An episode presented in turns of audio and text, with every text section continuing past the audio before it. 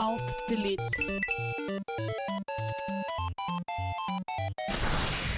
Unable to comply.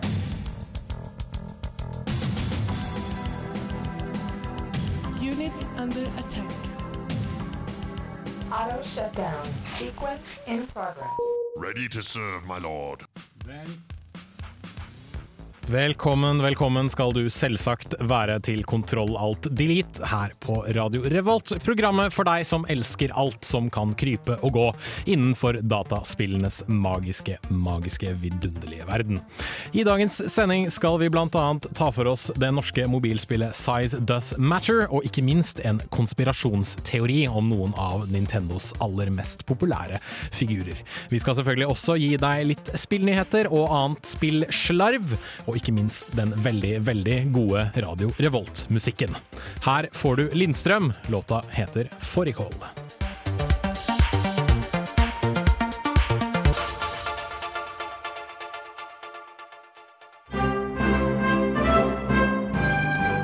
Hei, det her er Josten Pedersen på Radio Revolt. Radio Revolt, 12 points. Radio Revolt er selvfølgelig kanalen, og programmet heter så mye som Kontroll alt delete. Dagens sending skal stå eh, som nevnt litt i eh, mobilspillenes eh, tegn, men før den tid så kan det jo kanskje være lurt å høre litt hvem som faktisk står her i dette studioet. Jens Erik heter jeg, skal lose dere gjennom den neste timen med radio, og forhåpentligvis podkast-timen som vi tar og slenger på etterpå. Men jeg har jo med meg noen andre makkere i studio i dette ganske maskuline programstudioet som vi har i dag. Hanna Gulbrandsen er dessverre sjuk, men eh, det, er, det betyr ikke at vi ikke er fulltallige i studio likevel. Ja. Uh, ved min uh, umiddelbare vis-à-vis-het har jeg Bård Rasta. Jeg husket ikke hva det het. Vis-à-vis-het er muligens ikke ordet. Du er vis-à-vis meg. Ja, vel, jo. Overhets. Overforhet overforhet var litt sånn Nei. Anywho, hei Vi Bård. kan i hvert fall stirre hverandre i øynene. Hei Bård. Hei. Har du det bra? Ja. Eh, Jeg har spilt veldig masse av det samme som jeg spilte sist gang. Så eh, i stedet for å snakke litt mer om Uncharted 2, så har jeg heller lyst til å ta og snakke om det jeg har brukt en god del tid på gaming-wise. Og det er at jeg har gått gjennom eh, alle videoene til en YouTube-kanal som jeg småforelska meg i her om dagen.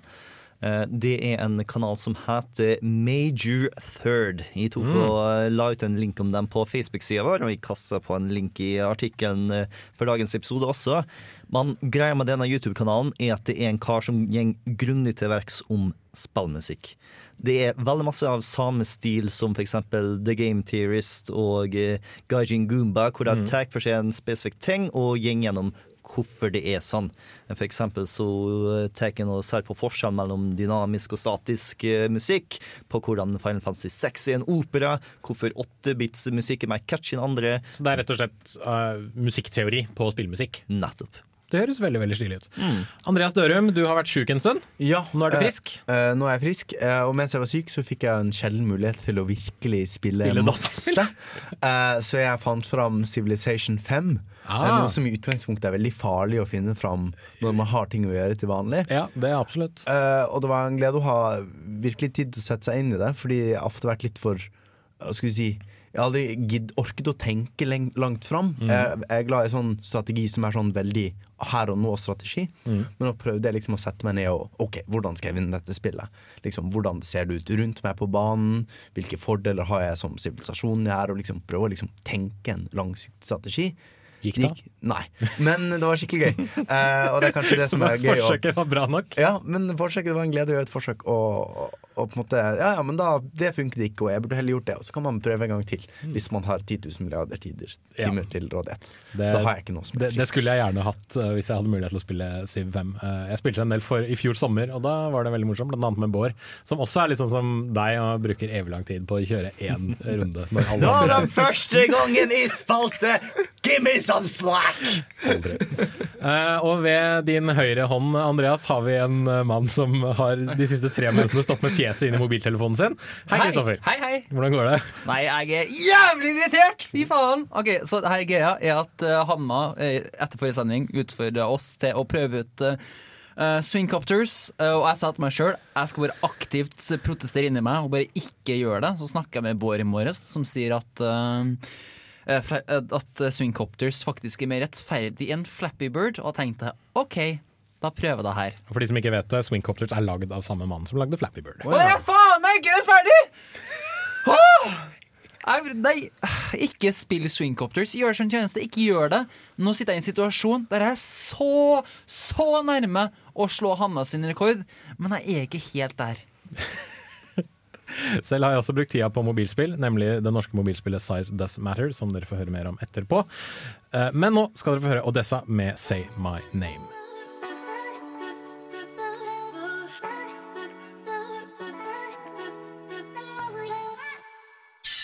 Denne uken i Spillnytt. Der var vi tilbake. Kontroll og tillit er programmet du hører på. Du fikk i stad Odessa med låta Say My Name, og nå skal vi, som den lille lydsnurten du nettopp hørte, hørte fortelle deg, det er det det heter, ja, eh, ha litt spillnyheter. Chris Monsen, du er dagens uh, nyhetshund.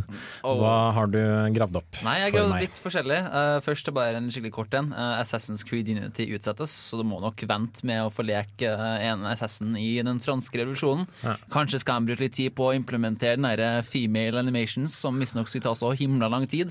Jeg vet ikke. Altså, jeg kan se for meg at det er noe de tenker seg å gjøre, men i og med at dette er Ubisoft, så er det liksom ikke overraskende at et spill blir utsatt, for Ubisoft utsetter alltid spill. Jeg tror det er litt med altså, måten de utvikler på at de, de deler opp. Det er ofte veldig, forskjellige selskaper som lager Ja. forskjellig del av samme spill. Ikke Og da er det ikke rart det blir et helsike å prøve å liksom stappe det sammen igjen. Ja. Det er det som skjedde med Assassin's Creed 3. Det var derfor det var så ræva. Fordi det var veldig mange mennesker som jobba på den samme tingen, og så måtte de liksom flette det sammen. Så hadde de ikke én liksom, enhetlig sånn, visjon for det. En Eh, hva mer? Ja, Det var en svær koloss, men det er også i vår neste nyhet så er det også en annen gigantisk gigantisk koloss. For det er nemlig en fyr som har i SimCity 4 bygd en by som har 107 millioner innbyggere.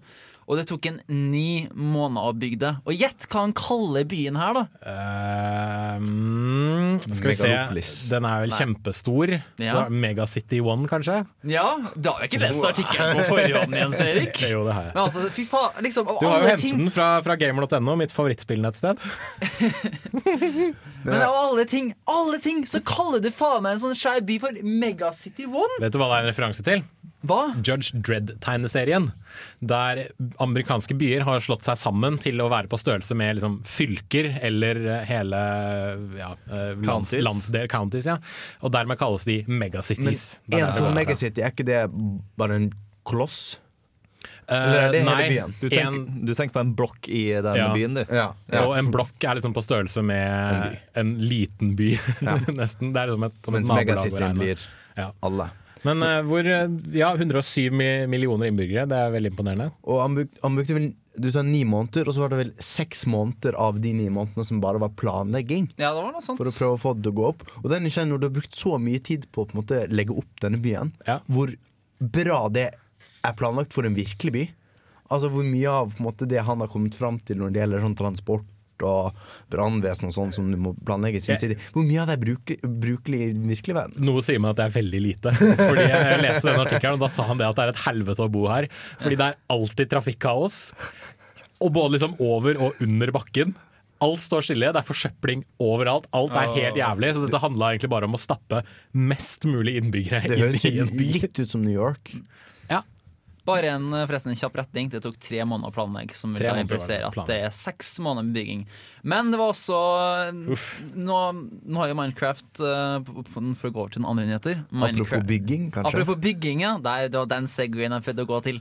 Um, i alle fall, Minecraft da har fått sin største oppdatering. For den har ikke blitt oppdatert på 300 dager, og den kalles The Bountiful Update. Viktigst, eller Mest er egentlig under the hood. Du har flere tekniske forbedringer, spesielt når du skal eh, når dataen skal generere det tilfeldige landskapet som du får når du starter et nytt spill av Minecraft. Men du får også mange nye områder. Det er blant annet nevnt at det skal være noen undersjøområder. Og det er også forbedringer i skoglandskap, blant annet. For før så var de egentlig ganske døde. Nå skal de visstnok få litt dyr og ha kaniner, og noen morderiske kaniner. Monty Eh, Python-referanse. Fem poeng til serie. Men et øyeblikk. ellers jo skumlere Endermen og ja, flere building blocks, som man kanskje skulle ha forvent av en eh, Minecraft-oppdatering. Men eh, jeg, jeg føler at den der oppdateringa egentlig kommer litt seint nå. Jeg er liksom ikke folk litt ferdig med Minecraft. Altså, jeg tror sånne som oss er ferdig med Minecraft. Ja. Men for de som er litt yngre enn oss, som uh, kanskje ikke har råd til så veldig mange spill, de har ikke liksom uh, penger å bruke hele tiden. Det har jo kanskje ikke vi heller. Men uh, for dem tror jeg Minecraft kan være noe de fortsatt spiller, fordi det er en ny ting hele tiden. Og det er ikke minst et spill som veldig mange foreldre tror jeg spiller sammen med barna sine. Ved at de setter opp servere, og så har de en sånn herre Ja, nå kan vi begge gå inn, og så kan vi bygge litt sammen og ha det litt gøy. og liksom eh, alle disse greiene her da. Så jeg tror det, det kan sikkert være, være brukbart for dem, og det fins garantert fortsatt folk som spiller Minecraft. Det er jo folk som har spilt WoW i ti år, så hvorfor ikke Minecraft? liksom? uh, ja. Vi skal ha flere spillnyheter etter at vi har fått høre Rory med låta Superfly her på Kontroll Alt Delete.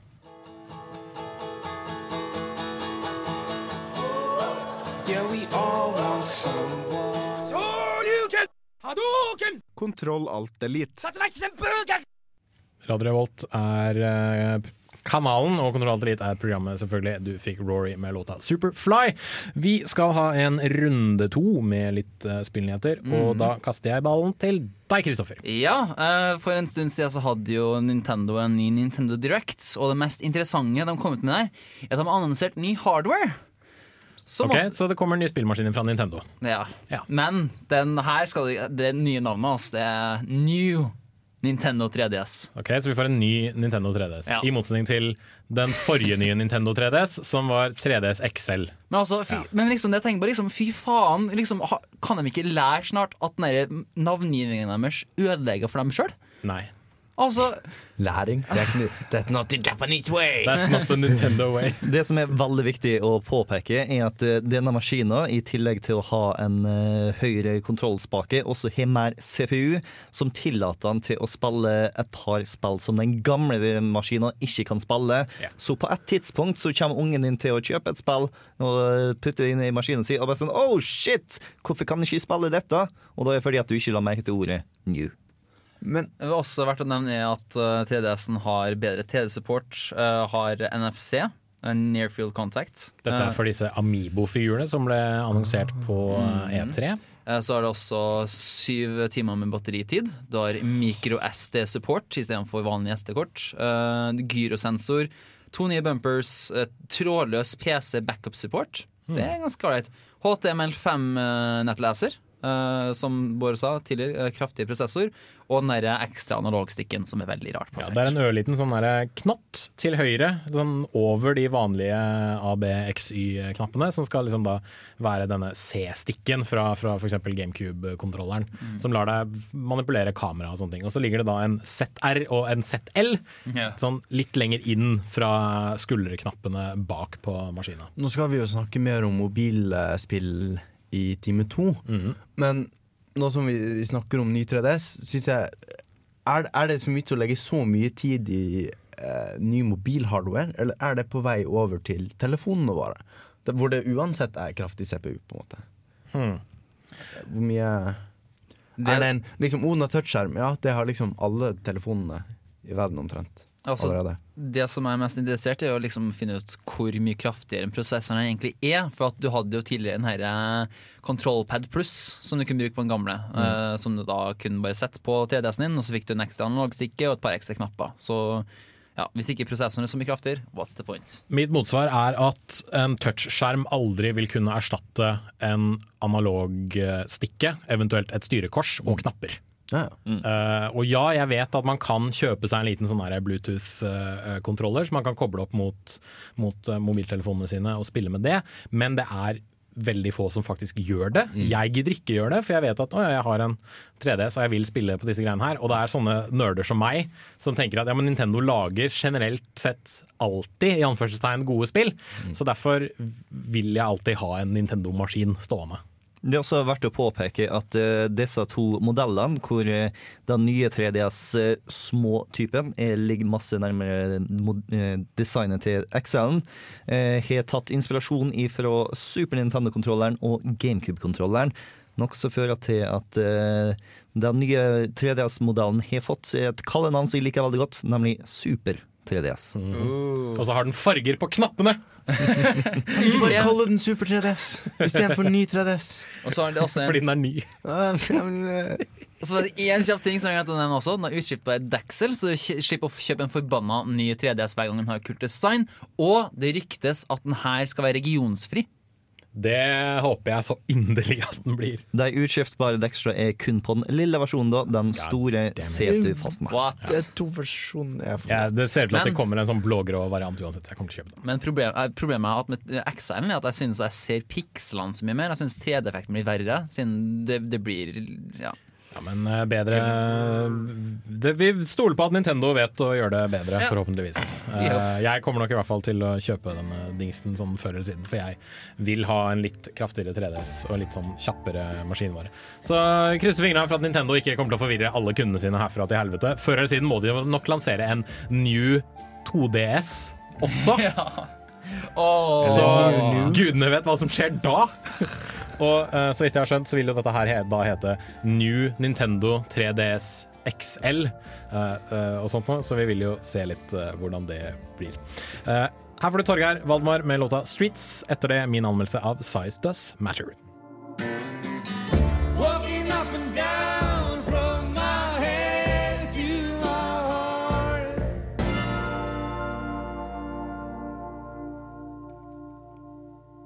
Lommerusk. Lommerusk! Lommerusk, ja. Spill du får plass til i lomma.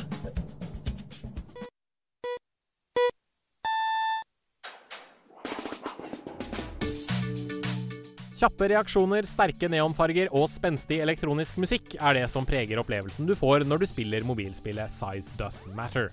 Takket være en enkel, men vanedannende spillmekanikk har norske DOS Studios klart å snekre sammen et morsomt og utfordrende lite spill som fungerer ypperlig som tidsfordriv.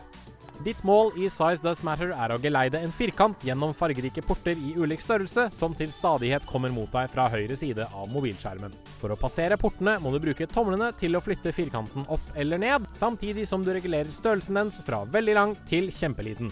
Slik sanker du stadig økende poengsummer mens du hører på deilig rytmepreget elektronisk musikk fra artister som Eirik Surke, Jonas Eide, Chipsell og Savant. Jo flinkere du er, jo lengre blir nivåene, så her gjelder det å holde hodet kaldt og tomlene i toppform. Spesielt enkelt er det nødvendigvis ikke, selv om den spede starten ser ut til å legge opp til akkurat det. Etter hvert som du låser opp nye nivåer å bryne deg på, skyter vanskelighetsgraden plutselig i taket. Likevel anbefaler jeg deg å ikke kaste mobiltelefonen i veggen, for selv om du feiler, blir du en hårsbred flinkere for hver runde, og mekanikken er så vanedannende at man har lyst til å holde det gående et par minutter til. Size Does Matter og DOS Studios vant tidligere i år en BAFTA-pris i kategorien Ones to Watch. Og i tillegg til å smykke seg med en pris, kan de nå smykke seg med å ha laget et ypperlig mobilspill som kan fenge de aller fleste. Karakter 8 av 10.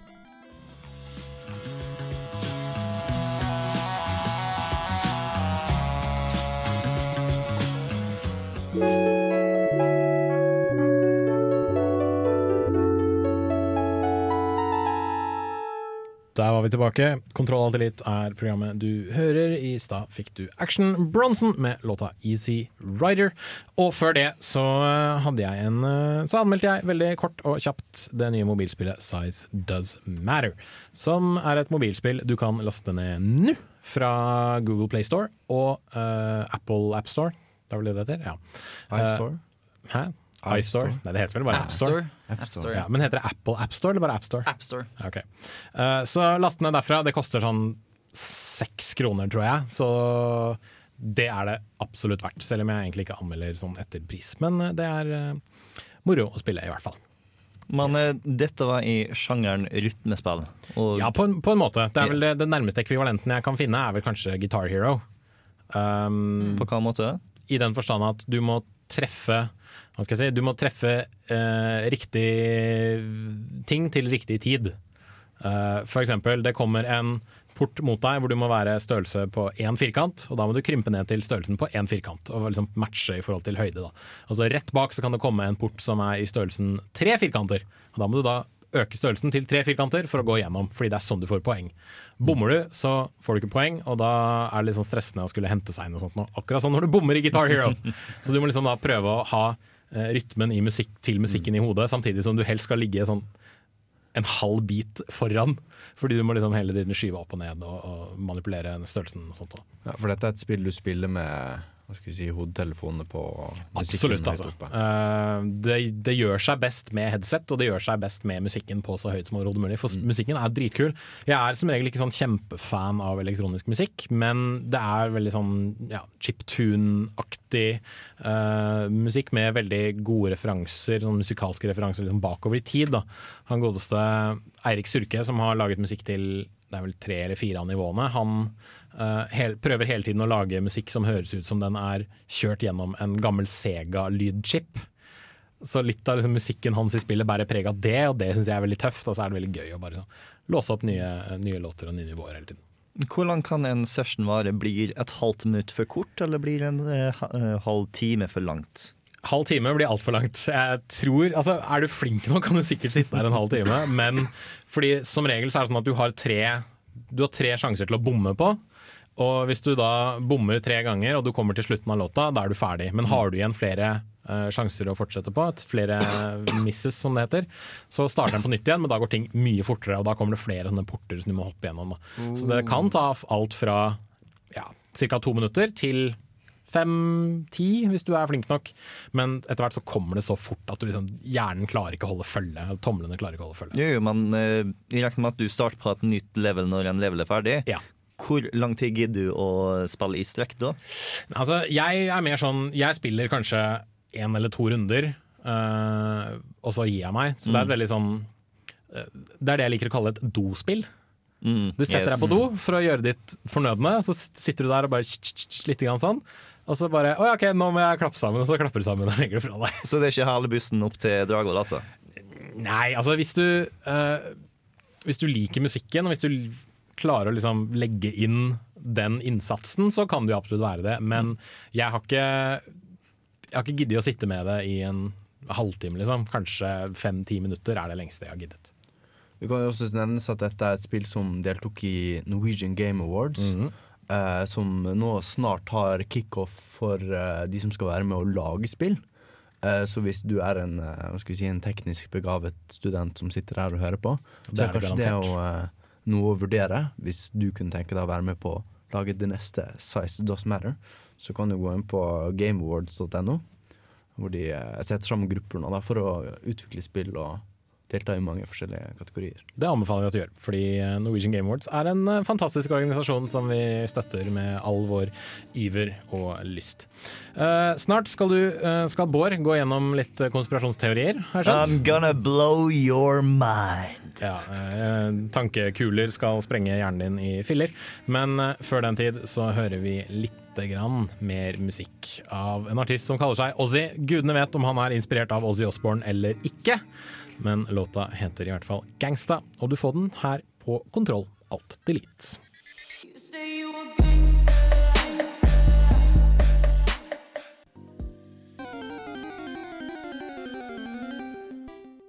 Visste du hvem de tre figurene i arkadespillet Donkey Kong er? Eh, ja, det er Donkey Kong, Mario og Pauline, slik som vi kjenner dem i dag. Sa du kanskje? Ball én feil, og to eh, ikke bruk den stemmen der. Den får deg til å høres dum ut. Ha litt sjølrespekt. Sannheten er at de er tre helt forskjellige karakterer ifra de vi kjører gokart og spiller golf med i dag. Tror du ikke? Hm. Da begynner vi med den såkalte Donkey Kong.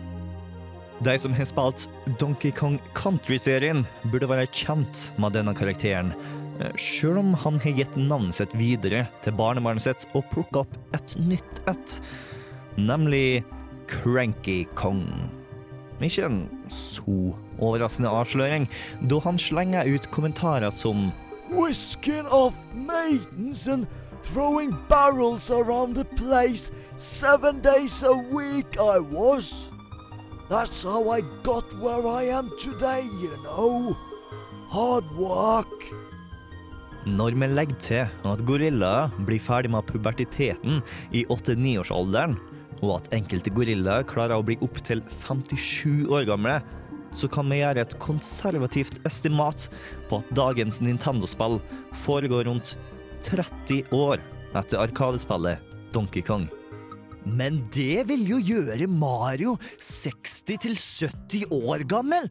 Sa du vel da? I en overdreven østlandsdialekt? Kom igjen, du klarer bedre enn det. Men ja, det vil gjøre Mario som vi kjenner fra Arkadespillet, så gammel. Den samme Mario, som ifølge spillbeskrivelsen var en snekker og en dyreplager. De fleste spillene med denne karakteren handler om at han er en drittsekk mot den originale Donkey Kong, at han holder Donkey Kong i fangenskap, slik at Donkey Kong junior, vår Donkey Kongs far, må redde den, eller havne i trøbbel fordi at Donkey Kong vil ha hevn etter all dyremishandlinga. Ikke helt likt den Mario vi kjenner i dag, som vel kanskje er litt arrogant til tider, men for det meste er en grei kar som ikke får peta på nakken. Hæ? Hva for noe? De protesterte mot den, men hvorfor de? Ta nukedrakta Å, Jesus! Uansett. Snekkeren og dyremishandleren Mario senior er faren til rørleggeren, atleten, doktoren, racingsjåføren, you name it, Mario junior.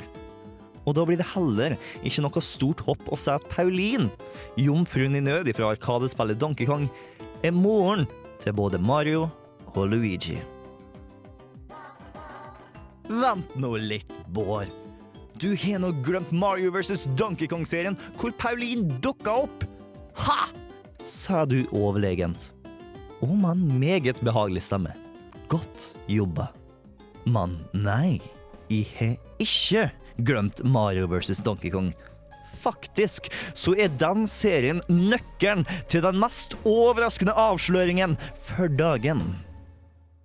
Det som er verdt å legge merke til i den serien, er at karakteren med navn Pauline ikke ser helt ut som de 43 pikslene som skal forestille en kvinne i arkadespillet Donkey Kong. Ja, de er begge høg, slank og uh, vakker, I guess. Uh. Men mens Mario seniors Pauline har blondt hår, vel, teknisk sett oransje, så har den moderne Pauline mørkt brunt hår. Det samme mørkebrune håret som følger et dominant gen, og som brødrene Mario og Luigi også har. Vent, mener du at Ja, kjære lytter. Jeg vil tørre å påstå at den samme familien som ga farens navn til den førstefødte sønnen, også ga moras navn til den førstefødte datteren. Jeg ser at Mario junior. Ikke redda Pauline fra Donkey Kong den tredje fordi at han er en grei ekskjæreste som løser alle problemene hans med hopping, men fordi at han gjør det enhver italiensk bror ville gjort i den samme situasjonen.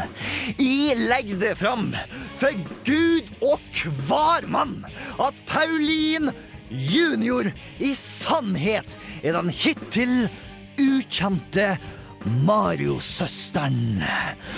Drop da Mike! OK. Mikrofonen ser ut til å sitte fast i stativet. OK, hvordan er det du får den løs? Kom hit! Du skal bare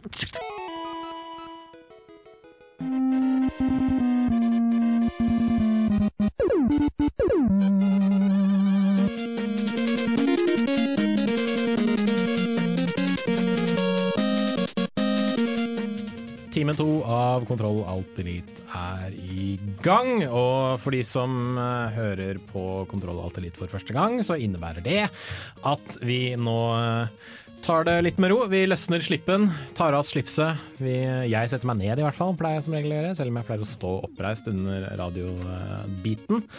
Og så spiller vi spiller musikk, og så snakker vi om et spesifikt eh, tema som denne uken er mobilspill, eh, gitt at eh, jeg bl.a. anmeldte Size Does Matter, og fordi mobilspill er noe som kan være verdt å snakke om. Syns jeg, i hvert fall. Uh, ja, men før den tid så er det litt sånn noe annet vi må snakke om. Fordi det har vært litt vanskelig å like data. Hva er det du driver med, Chris? Beklager, jeg i så glad for at akkurat når denne sendinga starta, så vant jeg konkurransen. Jeg slo Hanna. Eh, ok, For de som ikke vet det, vi har hatt en uoffisiell konkurranse sånn uh, utenfor studio om å skaffe høyest poengsum i Swingcopters, det nyeste mobilspillet til skaperen av Flappy Bird. Og uh, da har jo Kristoffer lagt all sin energi i dette her, akkurat som han gjør med alt mulig annet. Selv har jeg seks poeng i Swingcopters, tror jeg. Etter sånn Etter sånn ti sessions. Er, er det lov å måle poengene sine i desimalpoeng? Uh, For da har jeg 0,9 poeng. Jeg kom nesten. Og så ble det jeg altså, Swingcopters er Flappy Birds. Ja. Det er Flappy Birds, bare Ja. i at du reiser oppover istedenfor Altså, bortover. ja. Og så er det helt likt. Og så er det noen sånne ting som, så er det noen Ja. hamre som svinger fram og tilbake og skal Så jeg, treffe deg. så jeg klarte å treffe den første hammeren. Ja, Etter det, det, ti gjorde forsøk. jeg, det gjorde jeg også en stund. Jeg skjønte ikke at jeg skulle bare trykke på skjermen hele tiden, så jeg prøvde liksom å bevege telefonen sånn i håp om at den bevegelsessensoren skulle funke. Men så skjønte jeg etter hvert at jeg skal bare trykke, og da flyr den fram og tilbake. Ja, Kristoffer. Ja, Det som irriterer meg så mye, det er at han derre Dong Dong Wen. Dong Wen ja. Det var litt Det bad, veldig, veldig Chris. Det var litt bad. Ja, det var veldig bad. Men i alle fall, jeg skjønte ikke helt for at når han Det var jo veldig mye kontrovers rundt Flappy Bird, og spesielt når han bestemte seg for å ta det av eh, Google Play og AppStore. Mhm. Og det begrunna med for at han var så bekymra for at folk brukte for mye tid på det. Mye, han mente at eh, for mange folk ruinerte livene sine med det. Mhm. Men så kommer han jo faen meg da med det her. Ja, men han har jo laget spill før Flappy Bird. Ja, men fortsatt, det er jo Flappy Bird. Bortsett fra at Istedenfor at du kun må trykke for å gå oppover, så må du også trykke for å gå den andre veien. Så ikke du er der også Eh, nei, men du gjør jo du gjør nøyaktig det samme. Ja. Ja, sånn, ja, ja, ikke sant? Istedenfor at du faller ned hele tiden. Så, okay, ja. Uh, Du trykker for å snu deg, det er sant. Men uh, nei, jeg, det er uh, relativt likt, vil jeg tørre å påstå. Men Det, det jeg har funnet ut med dette spillet her, er at det er en av de få gangene da det er en fordel å ha en gammel, skrøpelig iPhone 3GS. Okay. Fordi at det har betydd at lagger spillet. spillet går veldig, veldig sakte, Ah. og jeg har en betydelig høyere poengsum enn det Kristoffer og han har. For øyeblikket så er highscoren min Hva var din igjen? Hva var din igjen, Kristoffer? Fuck deg, ass. Fuck. Ja, hva var det. Kristoffer? Kom igjen. 26? Nei, du vet ikke hva? Vent, 27? jeg kommer tilbake i studio om en stund. da. Ja. Ja. Vet du hva? Dette her kan jeg fort sjekke på vår eh, Facebook-gruppesamtale. Sist eh, gang Kristoffer posta sin score, var eh, da han Det var for sånn ca. en halvtime siden. Da hadde han 26. Uh, ok, Det jeg lo av, er Bård sin poengsum, som er 154. Vet du hva, Bård? Det er nydelig. Og jeg liker det at du sparte den sånn til nå, og avslører dette her. Det var, i- når jeg så den chatten, så var jeg sånn helt sikker på at sånn, han har spara seg og gir oss noe lowballs, og så kommer man skikkelig igjen, så jeg er nødt til å slå skikkelig. Mm. Men nei, det viser seg når jeg så over skuldra til Kristoffer, at eh, på de nyere mobilene så går det ganske kjapt. Med min del så tar det sånn fire sekunder før hver gang jeg kommer opp et nivå. Fader. Så jeg bare slapp av og satt på QI, jeg bare latt eh, tommelen eh, gjøre sitt, og så hei, klatra oppover. Og der har Kristoffer kommet tilbake. Han har hentet seg en is. Sikkert Ja. for å Du vet at, du vet at det å spise is på radio er ikke spesielt god radio. Mest på grunn av den lyden der. jeg protesterer mot det, da. Er dette din protest, å spise is? Altså, det er Slutt verre at du lager en verre Andreas. lyd enn jeg Jeg, er. jeg bare simulerer. Slutt, Andreas. Du vet, hva det, du vet hva det høres ut som. Jeg syns du er veldig Det verste er at uh, jeg slo eh, rekorden deres mens jeg holdt på samtidig å være telefonintervjuer.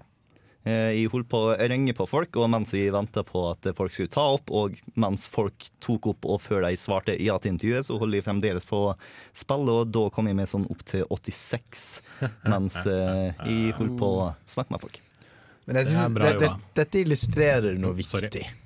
Fordi før vi snakket om Swingcopters, så prøvde Jens Erik å starte en samtale om et Noe viktig helt spill. annet. Noe helt annet. Ja, men jeg vet, hva, Kanskje et- vet du hva? Jeg tror jeg gir litt faen i det andre. Ja, ja, fordi det, det er liksom så Spill er en litt Det er jo noe, først og fremst noe vi gjør fordi det er morsomt, og da blir det Ja. kanskje vanskelig å ta opp de vanskelige, Ja, altså, spørsmålet, er, altså, spørsmålet er om dette er noe vi, vi må snakke om, eller noe vi bør snakke om, eller eh, noe sånt noe. Det var jo du, Bård, som kom med forslag om å ta opp nettopp temaet med uh, det, altså dette som har skjedd med Anita Sarkeesian, med Zoe Quinn og alt dette Gamergate-greiene Ja, men det er og skitet. Eh, Det som er greia med Gamergate er flere kontroversielle ting som har skjedd pga. på grunn av en eh, gruppe gamere som er ikke spesielt fornøyd med hvordan enkelte kvinner tar og forandrer deres kultur og hobby, alt sånt som det. Gud forby at dataspill skal ta opp ting som kanskje er litt viktig. Zoe Quinn var utvikleren for Depression Quest, ikke sant? Yep. og eh, en eh, veldig sint ekskjæreste av henne tok eh, nylig og la ut eh, beskyldninger om at hun har hatt sex med spilljournalister for å få ut eh, info om eh, spillet hennes. Og for Noen mener også at hun har gjort det for å få eh, gode skussmål, altså gode karakterer Mm. på anmeldelser og sånt. Da. Og det førte til at en hel haug med hvite yngre menn bestemte seg for å ta og anklage henne og sånne trusler og alt mulig rart. Eh, til tross for at de, de som er skyldige, om det er noen som er skyldig her nå, så er det spilljournalistene som ble påvirka av den oppførselen om den tok sted. Eh, Phil Fish, som var utvikleren av Fess, kom og sa folkens, ikke ta og vær så slem mot Zoe Quinn. Så det sa folka gjorde da, var å finne tak i all personlig informasjon om han, legge det ut, og han var da sånn Fuck you guys! Aldri mer! Spill! Nope! Nope! I'm out! Han uh, solgte Polytron og Fez eh, IP-en. Eller han prøver i hvert fall å få solgt det, eh, fordi han eh, mente at eh, han har blitt utsatt for så mye dritt. Yeah, nå, er jo, altså, nå er jo Phil Fish en fyr som slenger mye dritt yeah, yeah. in the first place. Til å begynne med, som det heter på norsk. Men jeg synes likevel ikke han fortjente det han fikk. Eh, men så er det da selvfølgelig, som det er med det aller meste på internett, noen som roper hei, hei. Konspirasjon, her skjer det ting. Som påstår at eh, Phil Fish lekket all opplysningen sin selv. At eh, Zoe Quinn eh, lekket all opplysningen sin selv liksom, og påsto at hun ble hack hacket. At Anita Sarkisian eh, fabrikkerer bevis for at hun har blitt eh, drapstruet og voldtatt, altså truet med voldtekt og alt mulig sånne ting. Og det er liksom bare en eneste stor sånn eh, smørje, vil jeg påstå, av folk som på en, på, liksom, noen på den ene siden som roper én ting og sier at hei, her er ting vi må gjøre, og så er det noen på den andre siden som roper nei, nei, dette vil vi ikke ha noe av, og, og så videre og så videre. Og så videre. Og det er liksom det er en litt sånn kjip stund å være fan av dataspill på. Det er litt sånn rart å skulle kalle seg selv gamer, i anførselstegn, når andre spillinteresserte, som kanskje er yngre og hva skal jeg si, hvitere enn meg, um, når de går ut og gjør det de gjør. Og liksom roper 'ja, kult', nå, nå har liksom enda en eh, social justice warrior, som de kalles. Eh, nå har enda en social justice warrior blitt eh, nedkjempet, og liksom endelig så, så, så skal de ikke få lov til å forandre disse herlige dataspillene våre. Og jeg bare For det er det Ja. som har kommet ut av denne situasjonen. Etter massevis av dritt mot enkeltpersoner, så har det ført til at eh, veldig masse av eh, store stemmer innenfor spillkulturen har begynt å bare stille spørsmålstegn med spillkulturen. Mm. Den har rett og slett fått en identitetskrise. Eh, og eh, jeg mistenker ganske sterkt at eh, den kommer til å bare gjøre sånn som alt av samfunn har gjort de siste 100 åra. Akseptere at uh, verden forandrer seg. uh, og de som ikke gjør det, vel, på et tidspunkt så dør de. eh, Ja, det er absolutt sant. Chris? Nei, Det som jeg syns er litt synd, det er liksom hvor uh, høy kan, Jeg vet ikke om det er bredt, men hvor synlig de her uh, haterne, de der skikkelig bare dustene, er i en situasjon her. Jeg, og jeg syns det er litt dumt. eh, jeg, for jeg forventer jo at jeg liker iallfall fortsatt å kalle meg gamer, for jeg liker å tro at det faktisk er et flertall av folk som faktisk ikke er rasshøl der ute, da. Ja, ja, men, altså, problemet, de- er- men problemet er at dem er, jeg tror ikke dem er så særlig høylytte. da. At de ikke er særlig aktive i den diskusjonen. Tenker at nei, det her er ikke meg. Og kanskje noen legger inn en comment som at eh, jeg ikke bry deg om her haterne Zoe Quinn, men så drukner jo det i kommentarer fra den her rasshølen igjen, da, som bare ja. fuck you. og- Det er, det, det er jo det som skjer, at det er de som uh, roper høyest, som får mest oppmerksomhet. Ja. Og det er kanskje, hvis det er en gruppe som roper veldig høyt, mot en enkelt person som roper veldig høyt, så er det selvfølgelig da gruppen som vil få mest oppmerksomhet. Og det er uh, teit, men sånn er det bare. Men altså, folk som Zoe Quinn og Anita Sarkeesian og de som prøver å, å kjempe for at dataspill skal reflektere alles virkelighet framfor én virkelighet, de vet jo også det at de har støttespillere. Og de vet jo det at det er folk der ute som, uh, som er fornøyd med det de driver med, og det er andre der ute som tenker at å ja, de holder på med det, ja men det er kjempeflott, det, det støtter jeg. Altså, det, er liksom derre- det er den stille majoriteten som må på en måte gripes litt tak i, kanskje fillerisses litt og si eh, her, her må vi kanskje slå et slag for, for de godes kamp. For hvis du er stille, så støtter du strengt tatt de kjipe folka. Veldig enig. Ja, jeg håper bare veldig at man klarer å få noe fornuftig ut av dette her. For akkurat nå så virker det veldig vanskelig å få noe fornuftig ut av det her. For det er ikke en, det er ikke en diskusjon, det er drittslenging. For det meste, ja. Ja, og da kom jeg til å tenke Jeg leste en uh, artikkel uh, på Medium. Medium.com, veldig god side, for med, eh, forresten med eh, litt lengre eh, tankevekkende artikler. Om, altså om kvinner Altså online and offline violence towards women, heter artikkelen. Eh, og der sier artikkelforfatteren noe veldig bra. Artikkelforfatteren er en kvinne, da. Eh, og sier at veldig mye av disse problemene handler om mannekultur. Ja, Og kvinner kan ikke forandre mannekulturen. det er sant. Det er det kun mennene som kan gjøre. Eh, og det er kanskje Nå er vi jo et studio her med fire menn, Ja. eh, fordi han er syk. Og det er kanskje noe viktig for oss å tenke at eh, vi må ha en bevissthet på at dette er litt for kamp, fordi mye av problemet er menn. Det er sant. Og da er det vi menn som må forandre den kulturen. Det er et godt poeng, men eh, spørsmålet er jo da hvordan, hvordan man gjør det. Hvor begynner Ja. man, på en måte. Men jeg tror rett og slett bare man må være en positiv stemme og si det at ja, men vet du hva. Jeg personlig og de jeg kjenner, vi, vi, vi vil gjerne at dataspill skal, skal være noe mer. Og vi vil gjerne at ja, det skal komme kvinner og homofile og transseksuelle og ja, romvesener fra Mars til å designe dataspill, sånn at jeg kan oppleve hvordan, hvordan de har det. Liksom, disse store sånn trippel A-spillene, de vil jo ikke forandre seg, de. Altså, Call of Duty vil fortsatt være Call of Duty, selv om du kan kanskje spille som en kvinne eller en homofil mann. Altså, du skyter fortsatt folk i fleisen, mest sannsynlig. Nei, Jeg skal bare kommentere litt på det Andreas sa tidligere, om at det er veldig viktig for menn å ta opp den kampen. Men jeg tror også det er veldig, og det er jeg veldig enig i. Jeg synes også det er også veldig viktig for egentlig alle sammen, også kvinner og ja, om du skal være et annet kjønn enn mann eller kvinne, å ta opp den kampen. Fordi at uh, du har jo blant annet sånn skikkelig f- Politikere for eksempel i Norge som bare sier Jeg husker ikke, men en eller annen gammel dame eh, med et etternavn Monsen som gjør meg skikkelig sint. Og det er ikke slekta mi, Nina eh, Karin Monsen. ja, Nina Karin Monsen som går rundt og sier at ja, kler du deg sånn, så fortjener du å bli voldtatt. Og sånn. Um, veldig, veldig uh, Ja, ikke rett eh, det hun sa, men det var meningsinnholdet. i hvert fall sånn som jeg så det. Og det, sånne kvinner ødelegger veldig mye, syns jeg, for den kampen. Og derfor syns jeg også det er veldig viktig at begge parter da er med i denne diskusjonen. Men ja, menn har absolutt et veldig stort ansvar også for å være med i det, og hjelpe til denne dumme kulturen.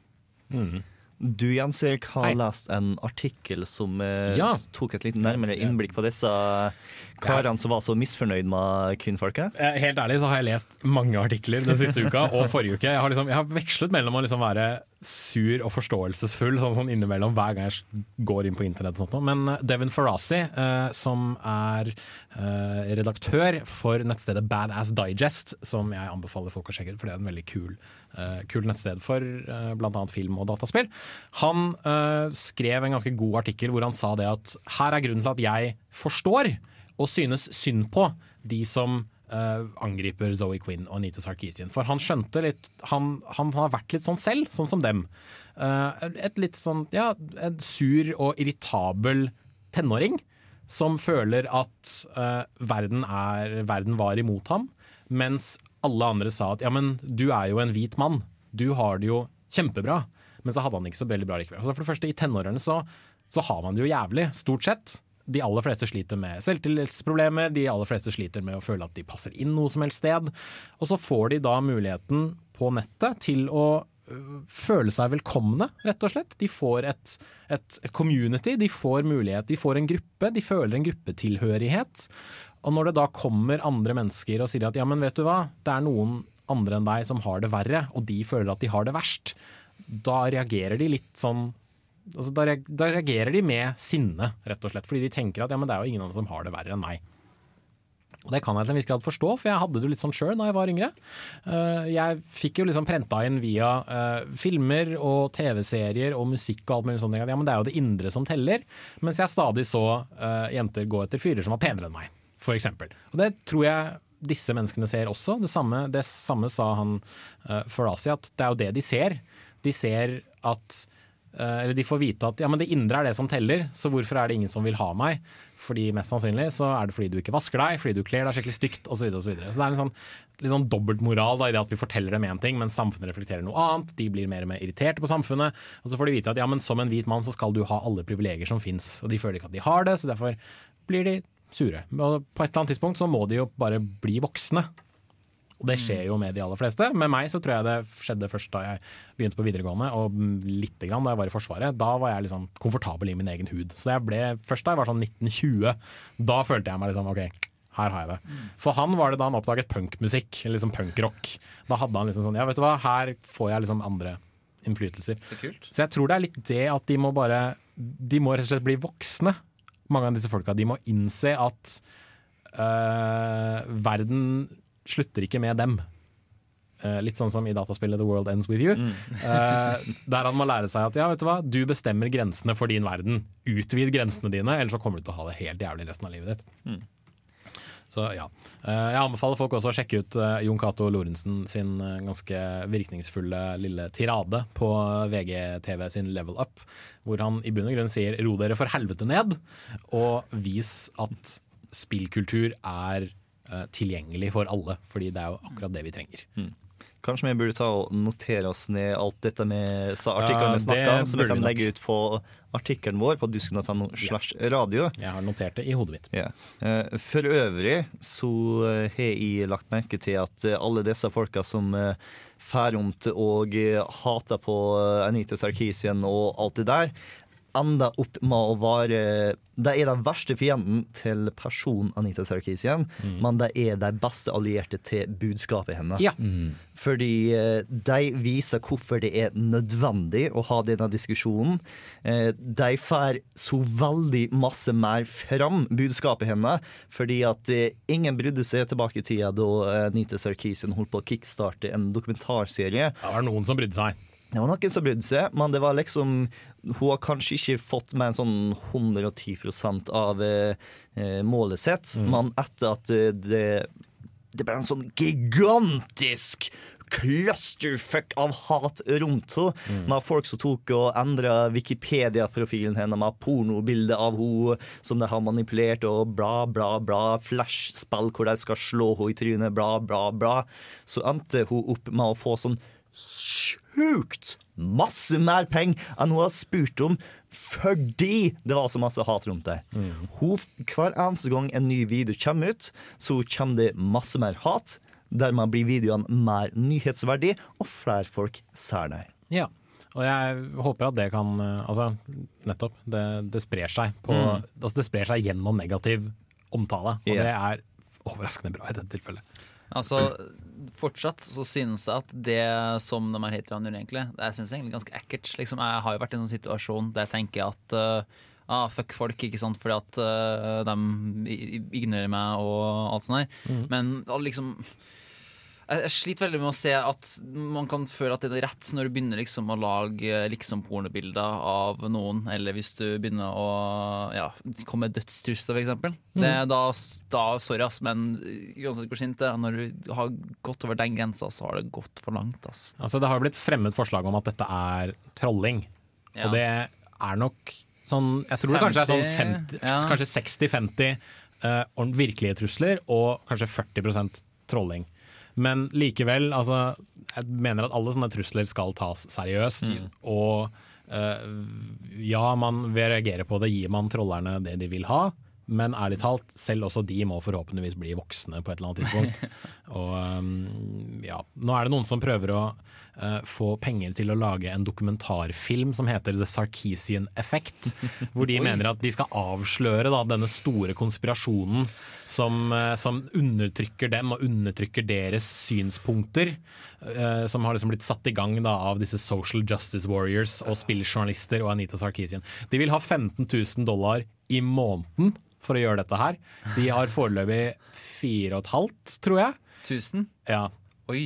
Men de setter ikke i gang med å lage filmen før de er garantert å få 15 000 i måneden. Så sjansen for, at dette, sjansen for at dette ikke skjer, er relativt høy foreløpig, i hvert fall. Og det setter jeg eksepsjonelt stor pris på, for de er noen skikkelig rasshøl, de gutta som skal i gang med dette her. Det som fascinerte meg mest med den videoen, sånn, bortsett fra hvor enorme klyser de var, og hvordan sigaretten til den ene endra lengde sånn hele tida, Ja, ja, ja. var hvordan eh, på et tidspunkt så retta de seg mot eh, the silent majority og var bombesikker på at de var på deres side. Ja, ja. Fordi eh, den stille majoriteten er selvfølgelig på sida til to 30-åringer som lager videoer på YouTube hvor de drittslenger og mener at eh, de er undertrykket, når de strengt tatt ikke er det sånn i det hele tatt. Og vet du hva, han med sigaretten og den dressen Ja. og det derre whiskygasset Han Altså, jeg vet jeg har brukt ordet kødd veldig mye nå, men han ser ut som en skikkelig kødd! Åh, det, Virkelig, altså! At det går an å se mer ut som en, en karikatur av en kødd! Det er helt utrolig! Og ikke bare det, han sitter jo i en sånn der gammel sånn skinnlenestol. Hvor han liksom, ja, han skal være så avslappet og tilbakelent, og når han blir seriøs, da lener han seg fremover. Og så snakker han litt sånn dypere og er litt mer sånn så Stemmen hans er så silkemyk og ekkel. Det er så, å, Har vi noen alder på fyren her? Ja, han er sikkert noen og 30. Oi. det gikk akkurat Oi. opp for meg at han er Cypher fra Matrix. Han er nøyaktig Cypher i Matrix, hvor han har lyst til å ha det bedre og ah! Ja, No. det er sant. Må vi kanskje nærme oss en slags wrap-up? Ja, Jeg vet ikke. Men uh, uh, Så, som jeg ofte sier i mitt andre radioprogram her på Radio Revolt, uh, gretne gamle gubber, ikke vær en kødd. Eh, vær eh, omgjengelig, vær inkluderende, Ja. eh, og ikke gi penger til folk som mener at de er undertrykket, når de strengt tatt ikke er det. Um, og uh, ellers uh, Nei, vet du hva? Kardemommeloven. Ikke plag andre, vær grei og snill. For øvrig kan du gjøre hva faen du vil. Det er litt sånn parafrasert, for så vidt. Uh, vi skal videre til mobilspill. Nå føler jeg at vi kan legge denne diskusjonen her litt død. Så kan vi ta den opp igjen hvis det skjer noe veldig veldig stort og fryktelig. Eh, fra mobilspillet Sword and Sorcery LP så har jeg henta fram en av låtene til Jim Guthrie. Den heter The Cloud. Her får du den.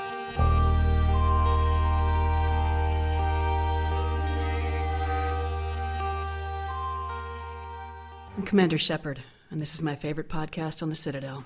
Og den podkasten heter selvfølgelig Kontroll til litt. Bare åpne isen din, Andreas. nom, nom, nom, nom. Ja, som sagt, ja, vi er jo ganske lus, så det er jo altså, Jeg sånn skylder bare på deg for dette her, Kristoffer. Kristoffer. Ah, ja. Men jeg skylder igjen på Bård, som lurte meg. Jeg spilte det spillet jeg kunne spille. Jeg Ja. visste ikke før eh, jeg så vi skulle i tidligere i dag at eh, det fantes en annen måte å spille på. Altså med hardware som faktisk takler spillet. For, det her, okay, for dere som lytter på. Um, han har utfordra oss til å komme så langt som mulig i Swingcopters. Og ikke før i dag tok jeg det veldig seriøst og skulle begynne å se folk. Og så kommer uh, Bård og bare sier hei, hei, hei, og legger telefonen på bordet og bare 158 poeng, liksom. Mens vi er på lufta, så skal han få meg til å lese opp min poengsum, og så hans poengsum. Og så er jeg bare fuck no, går ut og henter meg is. Nå viser det seg da at uh, min telefon klarer å kjøre den her på normalspeed, mens Bård sin Altså, han kjører en iPhone 3, Nei, øh, var det en iPhone? Ja, iPhone 3GS. Men den prosess- jeg har vært borti en sånn her sjøl, og prosessoren er veldig treig. Og det fører også til at spillet kjører på sånn en tiendedels hastighet. Altså Det er jo slow motion som søren. Jeg syns det er så? et veldig koselig spill. Det spillet du spiller, har ikke jeg lyst til å spille. egentlig Dette spillet er kjempetrivelig diskvalifisert som søren. Altså, sorry, ass, men den konkurransen her vinner. Altså, nei. Elleve poeng. Du er så bitter, Chris. Du er så bitter. Tolv poeng. Må jeg minne på at vi bor i samme etasje? Åh, det blir så jævlig dårlig stemning. Åh, mens du sover, Chris, så kommer du til bare å høre 112 poeng. 113 den på. Bård kommer til å sende deg meldinger på Facebook. Ah, bare sånn én, to, tre. Nei, nei. Poenget mitt er at det går så tregt. Nå er det 16. Og så er vi stille. Fremdeles stille. Og så er det 17. Du er ikke god radio. Dere mobber meg på sending! Slapp av, Chris. Vi mobber deg utenfor sending også. Ja, det er sant. Vi gjør det. Men uh, vi snakker selvfølgelig om mobilspill. Og uh, vi har spilt litt Swing Swingcotters. Jeg syns det er et skitspill, fordi det er bare teit. Og fordi jeg er skikkelig dårlig i det også. Ja, Så ja, også. fuck it. Hvorfor ikke? Da stiller jeg spørsmålet til studio. Hva er det som egentlig gjør et mobilspill bra? Og åssen forhold har vi til mobilspill sjøl, egentlig? For altså, jeg har vel egentlig spilt på mobilen min siden jeg fikk en mobil. Og det var en Nokia 3310. Eh, Det forteller nok dere hvor gammel jeg er. Jeg er 26, forresten. Og den fikk jeg da jeg var 13. Hadde den Snake? Den hadde selvfølgelig Snake. Jeg spilte så mye Snake på min Nokia 3310 at den måtte lades eh, relativt ofte. Men det gikk liksom, det gikk i Snake, og så var det noe sånn bønnespillskit som jeg nesten aldri spilte. Og så husker jeg ikke hva det siste spillet på en 3310-telefonen min var. Men det begynte med Snake, og så gikk det liksom derfra. Så fikk jeg en Motorola-telefon, der spilte jeg veldig mye Tetris. Og så har det liksom vært litt sånn frem og tilbake. Og så fikk jeg meg endelig en, en smarttelefon. Da måtte jeg selvfølgelig prøve Angry Bird, så nå har jeg fått en enda smartere telefon, og nå spiller jeg sånn Jeg har vel sånn 16 spill, men jeg spiller tre av dem. Det dum, bare sånn random notice Det dummeste jeg noensinne har gjort, Det er å skaffe meg én, skaffe meg smartklokke. Mm. To, skaffe meg Flappy Bird til smartklokka. Nå tror folk jeg stiller klokka, men jeg stiller ikke klokka. Jeg spiller Flappy Bird. Altså, det ja, veldig Flappy produktivt. Bird er et slags bra mobilspill. vil jeg Slags si. bra? Og det er slags bra innenfor én kategori. Um, fordi mobilspill de er ofte litt sånn innimellom-spill. Det er sånn du sitter på bussen, du sitter på do, uh, type spill. Og det, og det er to måte, løsninger på det problemet. Den ene er liksom Flappy Bird-metoden. Det er at det går veldig, veldig fort. Det er en, en spillrunde varer kanskje to-tre minutter. Når Bård spiller uh, Flappy Bird eller Swingcopter, så tar det jo faktisk eh, fem timer. Mm. Så da 39 poeng nå. Så da blir jo eh, det til et dårlig spill. Men mange sånne spill de er veldig kjappe. Gjerne en eh, Altså, du kan spille gjennom en runde av det på tiden tar deg å ta en veldig rask, effektiv dump på toalettet. Dump. Dump, dump. Ja. Jeg vet ikke. Du dumper jo ting, da. Altså, du Ja, får ting ut av kroppen. Uh, så det, det er liksom den ene, ene mobilspillkategorien. Mm. Og den, eh, den treffer Flappy Bird ganske godt, selv om jeg er skikkelig, skikkelig dårlig. Altså, jeg, jeg, jeg, jeg fikk nesten ett poeng i Swing Captors. Nesten ett poeng. Jeg fikk, ja, jeg fikk ikke Én dag. Andreas. Én dag. Ja, men jeg har ikke noe mål om det. å, jeg har ikke noe mål om å få Jeg et skulle, poeng. jeg skulle til å spørre Bård hva hans forhold til mobilspill er, men han sitter jo og spiller Swingcopter, så vi skal la han konsentrere seg om det. Nei, nei, jeg trenger ikke å konsentrere meg. Jeg har 47 poeng uten å konsentrere meg i hele tatt. jeg. Eh, jeg foretrekker egentlig den typen spill som eh, Andreas snakker om nå. Mm. De hvor du ikke bruker så spesielt lang tid. Jeg syns at to minutter er en veldig fin periode å bruke på mobilen. Så du er veldig den personen som tar opp mobilen, spiller lite grann, og så legger den vekk igjen. Det er mobilen for meg. Ja, Skal jeg men- spille noe annet, så spiller jeg da på 3DS-en min eller på PC Ja, okay. eller TV. For håndholdte spill er litt mer sånn Da setter du deg ned, og så Ja, ja. spiller du kanskje en time eller to. Absolutt. Ja, okay. Men jeg, jeg, vil- jeg vil si at begge typene Nå, nå legger jeg liksom mobilspill i to typer, og så Ja. har du noen som er utenfor de. Mm. Men andre typen spiller du også i to minutter, men på en veldig annen måte. Ja. Altså Det er den typen de eh, Dungeon Keeper-spillet fra EA. Den Ja, de som, kre, Altså, altså, de du- som krever at du Ja. kun er inne et par minutter. Du gjør Ja. et eller annet, og så ja. Og, så, og, så må, og så må den prosessen gå, så må den gnomen grave opp tingen. Eller Mm. At du bare setter i gang, og så går det lang tid. Og det er også en måte å få hver spillrunde til å være kortere, bare Mm. at her er det en kort spilling innenfor en, et langt spill, istedenfor at spillrunden i seg selv var veldig kort. Ja. Og, om, og der er det en veldig bevisst taktikk fra, fra spillerne. At de vil, de vil heller at folk kommer tilbake igjen en gang om dagen, Mm. enn at de spiller kjempemye en Og dag, og så er de lei. det. Ja? Eh, og det er ofte derfor du får Eh, og de har mange sånne triks.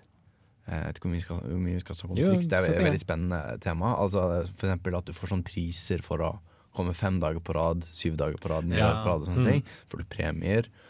Det er mer enn bare en, en achievement, eksempel. Du får jo kanskje ting Ja, innad i spillet også. Mynter eller Mm. Ja. Ja. Mm. Uh, og det er en måte å få deg til å spille litt, men å spille ofte.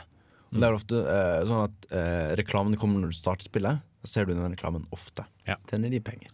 Ikke bare, ikke bare, altså, vi ser jo at det funker også, fordi vi har jo x antall mennesker i studentmediene som f.eks. spiller veldig mye Candy Crush Saga. yeah. Eh, kjæresten min spiller veldig mye Candy Crush Saga, har ennå ikke brukt en krone på det. Har hun eh, vært veldig veldig påstående, og det tror jeg for så vidt på, men hun spiller jo veldig mye annet sånn Jelly Splash, eksempel. Det spiller hun, som er sånn spill hvor du bruker opp fem liv, og så må du vente en halvtime til du kan begynne på nytt igjen. Men jeg tror akkurat når det gjelder sånne spill, så må man ha et litt sånn Man må ha et sunt forhold til det. Man kan liksom ikke bare uh, ende opp med å synke flere tusen kroner inn i det. På den annen side, folk gjør jo det samme med Dota. Mm. Altså, de spiller Dota 2, og så må de betale for et eller annet sånn kosmetisk in game-greie. og så, bare, så plutselig da, så kan de innse at shit, nå har jeg brukt en tusenlapp til sammen på å spille Dota 2, som i strengt tatt er et gratis spill. Men eh, sånn er jo det, da. Hadde du noe, Kristoffer? Nei, jeg skulle egentlig bare nevnt tidligere at uh, når jeg bodde hos besteforeldrene mine i en måned, så var det eneste de spilte hele, hele, hele, hele, hele tida, var Candy Crush. Besteforeldrene dine? All, yeah, all the Å, det er time. Men Ja, det er det. Crush. 76 poeng. Der, der var du? Yep. Ja. Nei, fordi alle, alle spiller Candy Crush. Det er liksom klart å Holdt jeg på å si transcendere. Da hørtes jeg pretensiøs ut. Men nå er vi i andre timen. Da får jeg lov til å være pretensiøs.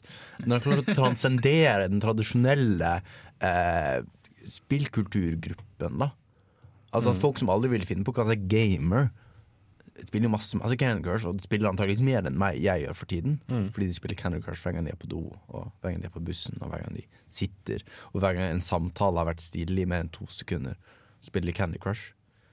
Eh, og det, hva er det som gjør at alle spiller Candy Crush? Kan jeg løfte det? Jeg tror det er litt det derre det, er- det er litt psykologisk bak det. Det er litt eh, um, Mye av det baserer seg på uh, eksperimentene til BF Skinner, som var behaviorist, og målte hvordan han kunne få folk til å gjøre de samme handlingene om igjen og om igjen. om igjen. Det er det at det gir deg noen få uh, belønninger sånn innimellom, som får deg til å bare trykke på de samme tingene om igjen. Sånn som du nevnte at Grunnen til at man kommer tilbake er fordi man får et eller annet for det.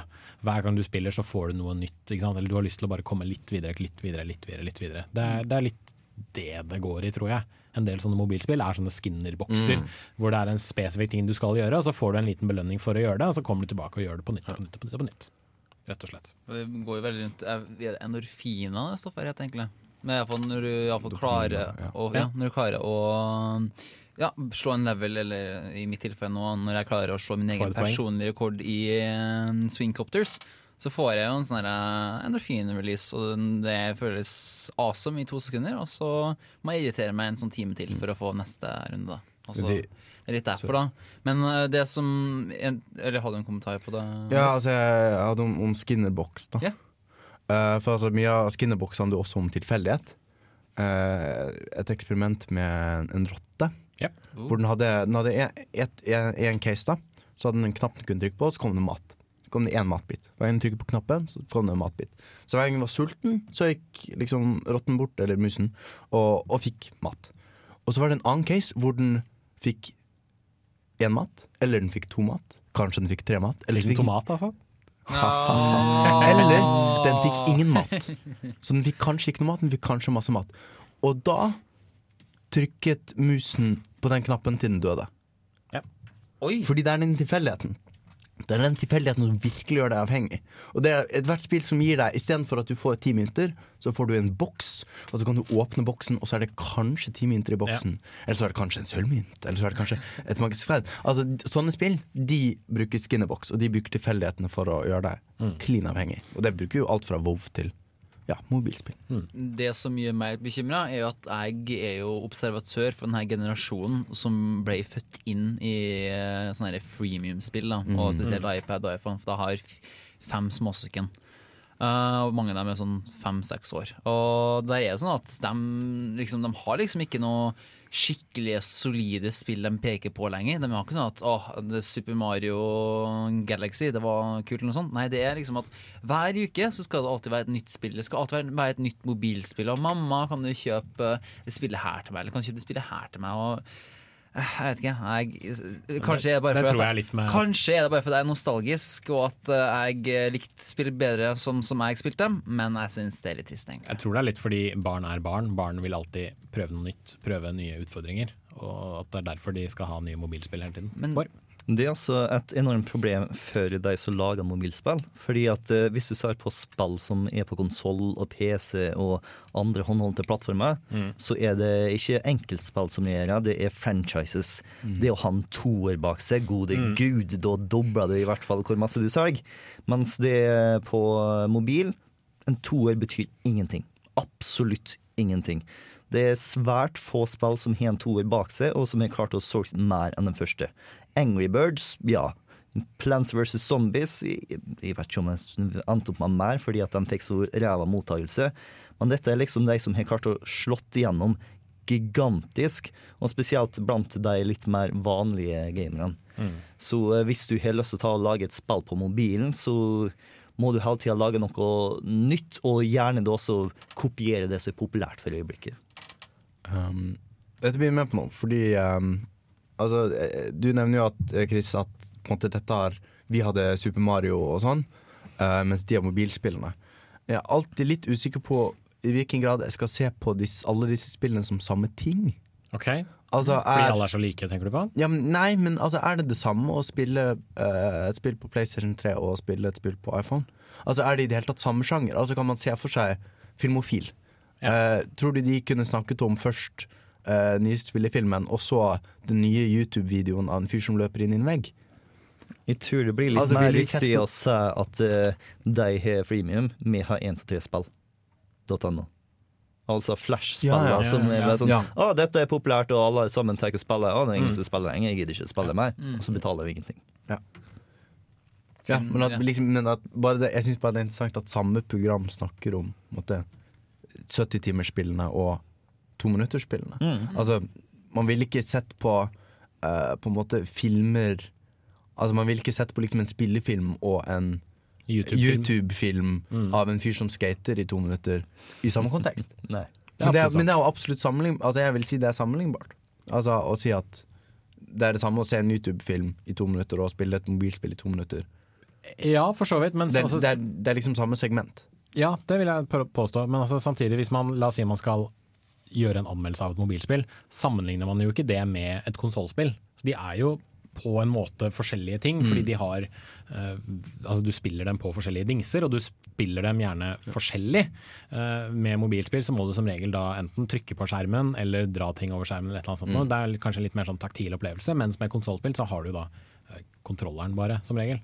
Men er det noen som har noen tanker om hva som gjør et Altså hva gjør et bra mobilspill?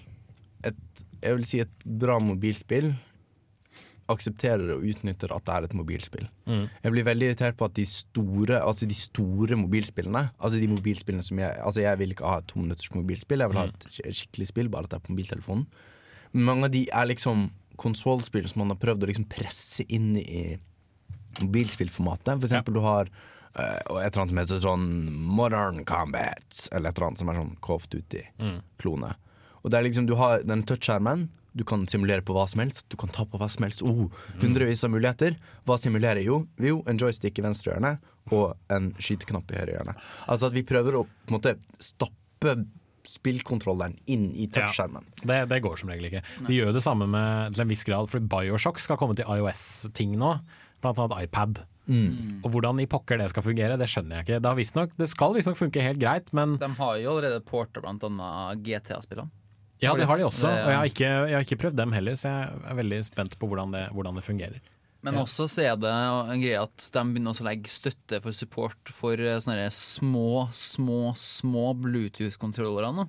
Som du kan Ja. kjøpe rundt omkring. Sånn at istedenfor at du har dere det som ikke Jeg syns ikke funker helt at det med joystick på skjermen, og sånn Mm. men når du har liksom den lille kontrollen, så går det fint. Men problemet igjen da blir at når du skal pakke et sånt der svært spill innen den lille pakka, så bruker en latterlig mye datakraft, og igjen, batteri på mobiler er ikke lenge. Og du spiller kanskje i 30 minutter, og alternativet da er å plugge deg inn i veggen og spille som en vanlig konsoll, og da igjen, what's the point? Ikke, ikke bare det, men hvor mange er det som gidder å kjøpe en sånn liten Bluetooth-kontroller? Jeg gjør det ikke, eksempel. Life pro tip right here. Hvis du har en uh, såkalt OTG-kabel, altså en uh, micro-USB til USB-A-hund, uh, så kan du plugge PlayStation 3-kontrolleren din rett inn i en Android. Oh. Null drivere, null tøys. Eh, det er sånn jeg, jeg spiller eh, noen av de Det er derfor Android er best, da, liksom. Bård hadde en kommentar. Ja, fordi at du nevnte tidligere at det fantes to typer spill, og at begge to var på to minutter. Men det finnes flere typer spill også som varer lengre. Eh, vi hørte noen eh, ganske nylig musikken til en av dem, Sword and Swarsley LP, som er et spill som når jeg spilte, synes var dritawesome, men som jeg aldri har avslutta. Fordi at eh, det er et spill som varer mange timer, og eh, mobilen min varer ikke mange timer. Og, eh, i- Da har jeg et tips til deg, Bård. Yeah. Ny mobil. Ja, ja, det, det er på vei. Ja. Men eh, poenget mitt er at eh, det er, passer seg fint til bussturer, men bussturene varer sjelden så langt som mm. Sword and Sorcery. Og eh, hvis de skal ta og spille Sword and Sorcery hver gang jeg er på dass eller i en kø, så får jeg liksom ikke det helhetlige inntrykket som de føler at det spillet fortjener. Men da tror jeg kanskje at iPaden kan fungere bedre som en sånn altså, men da, det, Hvor mange spiller på iPaden på bussen, f.eks.? Det er Mm. kanskje ikke så kjempemange, men det er mer en sånn Ja, men det er mer en sånn uh, Nå setter jeg på nyhetene, og så sitter jeg med iPaden, og så spiller jeg noe som kanskje krever litt mer enn et vanlig i anførselstegn mobilspill. Uh, nå, liksom, nå skal jeg spille Yearwalk eller uh, ja, uh, Sword and Sorcery eksempel, som trenger en litt større Eller som kan kreve en litt større skjerm, som kan trenge litt mer investering enn å bare sitte og flikke ting opp og ned i, i Candy Crush for eksempel. Jeg vet ikke, ass. Uh, mobilspilling generelt har liksom aldri catcha meg helt. Jeg Nei. føler liksom aldri at uh, hvis jeg tar opp mobilen for å spille to, timer, nei, to minutter før bussen kommer, så føler jeg at jeg går glipp av bussen. Det har jeg også gjort. Uh, så jeg Bussen bare kjører forbi? Ja, bare kjører forbi. det har nesten skjedd med meg òg. ja, så, så Det som blir mer komfortabelt for meg, det er faktisk eh, håndholdt konsoller. Mm. For jeg synes liksom Når du først må begynne med styret og ha en ekstra batteripack for at du kan spille i en passe lengde, og du må faktisk bekymre deg for at du må faktisk ha batteri til resten av dagen også, for det er jo en telefon, Mm. og at du også må begynne ja, med kontroller og sånn, så syns jeg bare mye lettere for eksempel, med en 3DS, for eksempel, for det er jo det jeg har. Jeg synes det, det, Nintendo har blitt, med sine spill har blitt kjempeflink til å lage eh, bare sånn korte deler som du kan spille gjennom ganske kjapt. Og så har du fortsatt mobilen med masse strøm igjen. Og uten alt det ekstra utstyret. Ja, så fordi jeg jeg er jo sånn som Jeg går i informatikk, så jeg jobber jo på dataen min hele tiden. Eh, så for meg så har det blitt viktigere og viktigere å måte, adskille hvilke ting jeg jobber på. Altså ikke Altså hvilke device, device Hvilken hardware som jeg jobber på, og hvilken hardware som jeg spiller på. Eh, og da har egentlig mobilen blitt en jobbeting. Altså Det er jo den jeg bruker når jeg liksom ringer og skal ta sånn Mm. voksne telefonsamtaler eh, og sånne ting. Uh, så jeg har faktisk slettet alle spillene fra mobilen min. Eh, og så har jeg isteden en Nexus 7, altså en tablet, Mm. som er syvtommers. Den er liksom lett å ta med seg, men det er liksom litt større Litt flater. ja. Mm. Uh, som, så jeg bruker den til liksom mobilspill. da Mm. Og det, det har funket greit for meg å på en måte skille de fra hverandre. Ikke bare fordi da får jeg en større skjerm, men fordi da har jeg liksom ja, jobbtelefonen, og så har jeg leke-tablet-tingen. Jeg føler også det skumle er at telefonen er gjerne en av de tingene du tar opp veldig ofte. Og når du igjen da har det kombinert med gleden av spill, som jeg, jeg håper alle oss har, så er det liksom en litt dødelig kombinasjon. da Ja, Spesielt hvis telefonen din går tom for batteri. Noe som har skjedd med meg en stund. Og så bare tar jeg opp telefonen og så Å ja, nå var den død. Jeg skulle helst ha sendt noen en melding eller fått kontakt med noen. Nå må jeg finne ut av hva jeg kan gjøre. Men spørsmålet var hva er som gjør et eh, mobilspill bra. Ja. Og eh, det, den nisjesjangeren som jeg definitivt alltid har hatt masse glede av på mobil, og hvor jeg ikke kan egentlig tenke meg noe særlig å spille, i hvert fall ikke på konsoll eller håndholdt, eh, kanskje på PC, er quiz. Ja. Jeg er veldig stor fan av Quizkampen, eh, Quizkampen, Quizup, Quiz National Geographics, whatever. Hvor det gjerne er sånn poppis blant eh, vennegjengen min at nå skal vi ta og eh, ta trivia mot hverandre, og det er fer- tre-fire utfordringer om dagen. Og da har jeg alltid det Når jeg føler for å plukke det opp, så kan jeg spille. Jeg er ikke nødt til å spille der og da, og det tar meg kun sånn eh, ett til to minutter. Og eh, jeg er ferdig når jeg føler at jeg er ferdig, og eh, jeg har hele tida noe å finne på. Så det er liksom akkurat i sweet spoten min. Og det skal vi prate litt mer om etter DDR Kirby med Love Everlasting, en OC-remix av en låt fra Katamara Dam Katamari Dama Si.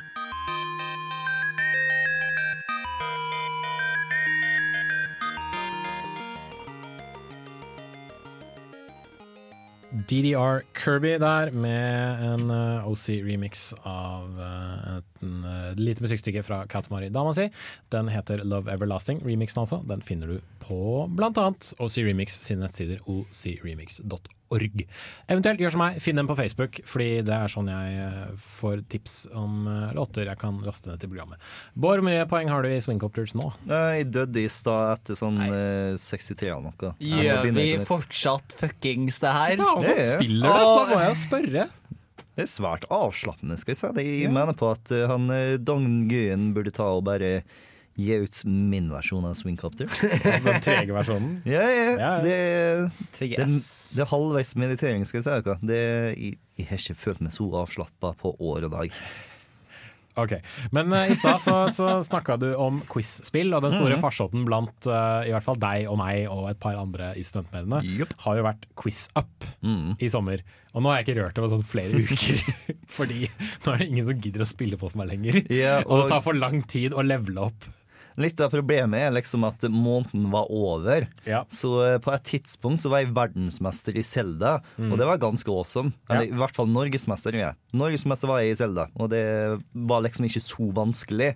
Fordi at uh, folk har nettopp uh, oppdaga dette spillet, og det var sånn 13 folk jeg er nødt til å se, egentlig. Mm. Uh, men så var måneden over, og folk har oppdaga det, og var sånn Nei, gidder ikke å bli norgesmester en gang til. Hva er quiz up? Quiz Up er en, eh, et quiz-spill, selvfølgelig. Der du kan velge mellom Det er vel noen av sånn 500-ish kategorier. Du kan lage dine egne kategorier. Du kan også lage dine egne kategorier hvis du vil det. Og du kan eh, altså, Rett og slett det som skjer, er at du trykker liksom, 'spill i denne kategorien', så finner de en tilfeldig motstander til deg, som også har spilt en runde innenfor samme kategori. Så det er 1v1? Ja, og så er det da dine poengsum mot dem. Og så kan du da uh, gå opp i nivå innenfor din kategori, avhengig av hvor bra du spiller. Ja. Så for eksempel da, hvis du da vinner motstanderen din, eller vinner mot motstanderen din, og får et visst antall poeng, så går du da fra level 1 til level 2 sånn med en gang. Hvis du taper, så tar det lengre tid, for eksempel. Da. Men lager du dine egne spørsmål? Nei, Altså, du lager ikke de du svarer på, nei. Det er bare sånn at uh, måten de får sånn enormt med kategorier, er at brukerne sjøl tar og lager kategorien, og på Mm. den måten så har du en hel haug med nisjer som du ikke får i andre quiz-spill, som er veldig digg å spille. Men de lager spørsmålene innenfor disse kategoriene også, da? Ja, ja. ja. Og det er et det, altså det har så mange kategorier, og det er så mye folk du kan altså, spille mot. Problemet er at det er ikke så veldig mange spørsmål innenfor noen av kategoriene. Nei. Så du kan etter hvert bare lære deg svarene gjennom repetisjon. Men samtidig er det også veldig gøy å se, som alltid med veldig mange spill, det er gøy å se tall gå opp. Det er gøy å se nivået ditt, altså ferdighetsnivået ditt, gå oppover. Og ikke minst det er veldig gøy å få opp en sånn her beskjed om at ja, nå er du topp ti i ditt land innenfor denne kategorien. Jeg var på et tidspunkt topp den aller beste i Avatar The Last Airbender-kategorien i Norge. Prøvde å utfordre Bård, han ville ikke. Jeg har ikke satt uh, sesong tre av uh, Korra det, er ikke noe, det kommer ikke noe spørsmål derfra, okay. så det har liksom ikke noe å si.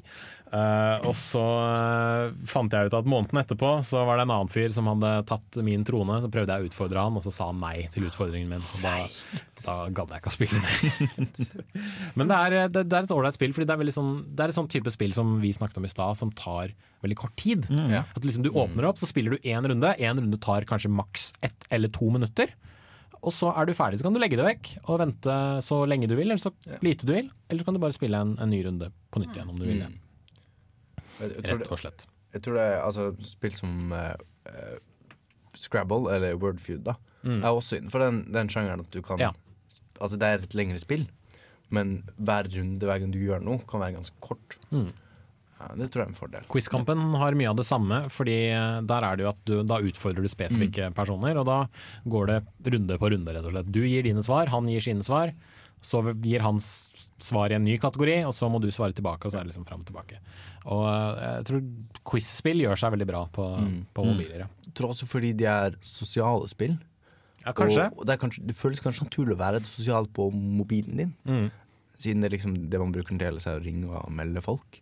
Og det er også veldig gøy å vite at du kan altså liksom, Du ser at 'å ja, shit, nå taper jeg lite grann', og så bare 'ha-ha, her er mitt hemmelige våpen'. Data- og TV-spill, suck it! det er ganske gøy, faktisk. Eh, Det som er kjipt, er jo da når du svarer feil på spørsmålene i data- og TV-spill, og motstanderen din, som du ikke trodde kunne en dritt om data- og TV-spill, gjetter og gjetter riktig, videre. Det har, eh, Der får du for fordommene dine igjen, Erik. ja, de må jeg nok eh, gjøre noe med, men kanskje ikke ennå. Men eh, har folk noe tips til gode mobilspill som er uh, billige eller gratis, eller bare liksom, verdt å spille fordi de gjør noe veldig spesielt med det. Ja, Kristoffer. Som, an, som er anmeldt eh, Som er anmeldt forrige uke. Uh, Da Vinci Deluxe Mhm. Edition. Veldig pent spill å se på, og veldig behagelig å se og høre på mm, hvis du har på høytelefoner. Mhm. Eh, Veldig chilled puzzle-spill der du skal lede en ballong gjennom labyrinter som prøver å få det drept. Jeg tror også det gjør altså Det er også sånn indikativt på hva eh, mobilspill Altså hva som gjør et godt mobilspill. De må være veldig enkle, Ja. tror jeg. For hvis det blir altfor komplisert, så tror jeg folk ikke helt gidder. Altså Nå har jeg jo ikke spilt GTA, jeg vet ikke hvor mange som har lasta ned eh, Grand Theft Auto til eh, iPadene sine f.eks., men det virker som om det er de enkle spillene som gjør det best, i hvert fall. Ja, Det blir et problem når du virkelig prøver å lage et, uh, et konsollspill på et mobilspill, for det passer rett og slett ikke, syns jeg ikke. Du må, du må faktisk uh, erkjenne at det er et annet publikum du prøver å rekke ut til i, på mobil plattform mm. versus uh, konsoll. Eh, Et eh, mobilspill som har gitt litt blanke i akkurat det, men samtidig passer på at det er et mobilspill, er et eh, mobilspill som i kickstarter man ikke har fått spilt, fordi at 3GS-en er for treig der nå. Kanskje jeg har vunnet sånn dritmasse pga. den treige CPU-en min, men dette spillet heter Republik. Eh, Og er skapt av en av eh, Metal Gear Solid 4-produsentene. Og jeg og har eh, David Hater i meg som stemmeskuespiller og animert. Ja. Eh, Måten det spillet fungerer på, er at i stedet for å være f.eks. Solid Snake, så er du mer som Otacon. Du sitter der nå og kan ta og se på de forskjellige sikkerhetskamera. Du kan hoppe mellom deg, og så kan du manipulere litt rommet. Og samtidig så er det et eh, kvinnemenneske som du skal ta og hjelpe, som eh, prøver å komme seg fra eh, rom til rom, og hun har sin egen AI. Så du, det er mer sånn du gir henne forslag, og du gir henne muligheter, men hun vil ta og gjøre det hun sjøl føler er mest riktig i det øyeblikket. Mm. Og Ah. det har fått veldig god grafikk, fordi at eh, de bruker samme trikset som Resident Evil 1 gjorde tilbake på PlayStation 1, hvor eh, bakgrunnen er ganske statisk, så da blir det et fast bilde i stedet for massevis av modeller. Og på den måten så kan det ha masse mer presisjon, og uh, Bruker kanskje ikke så mye datakraft og så videre. nettopp. Og da er det mulig for en eh, iPhone 4 og ta og spille et spill som ser ut som det her er med på eh, om ikke Vitan, så i hvert fall 3DS-en. Cool. Det Så er det ikke ute til Android. Nei, selvfølgelig ikke. Nei, men det er på vei til PC. For Det, det, Ja, er, ja. det er en ting jeg ikke helt skjønner når det gjelder Eller skjønner og skjønner. Jeg skjønner hvorfor spill er uh, Oi, nå var jeg borti space-tasten på tastaturet mitt.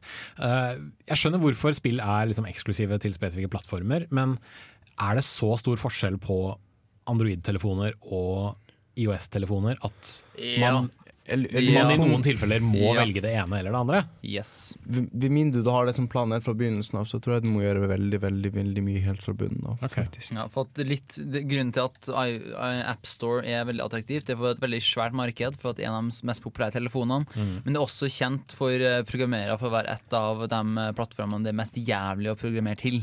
Okay. Rett og slett for at det er ikke særlig vennlig, og du, du har veldig, veldig veldig begrensa til, tilgang til funksjoner på telefonen. Iallfall før. Nå har de jo prøvd funnet et nytt program. Mm. Men det er der da Apple, nei, Android stepper inn og bare sier hei, du kan få tilgang til det og det og det, så lenge brukeren sier OK når den laster den ned. Ja.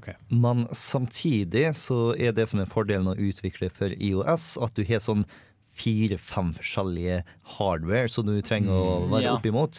Så da er det masse mindre troubleshooting du har nødt til å gjøre, i motsetning til Android, hvor det er sånn 18 000.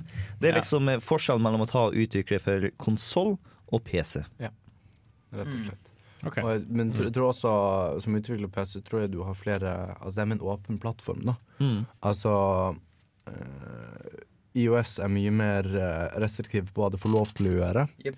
Eksempel på Android så kan du installere en, et nytt keyboard til telefonen din. Det kan du ikke på iOS, fordi det er mye mer restriktivt. Da må du ha iallfall jailbreak da. Ja.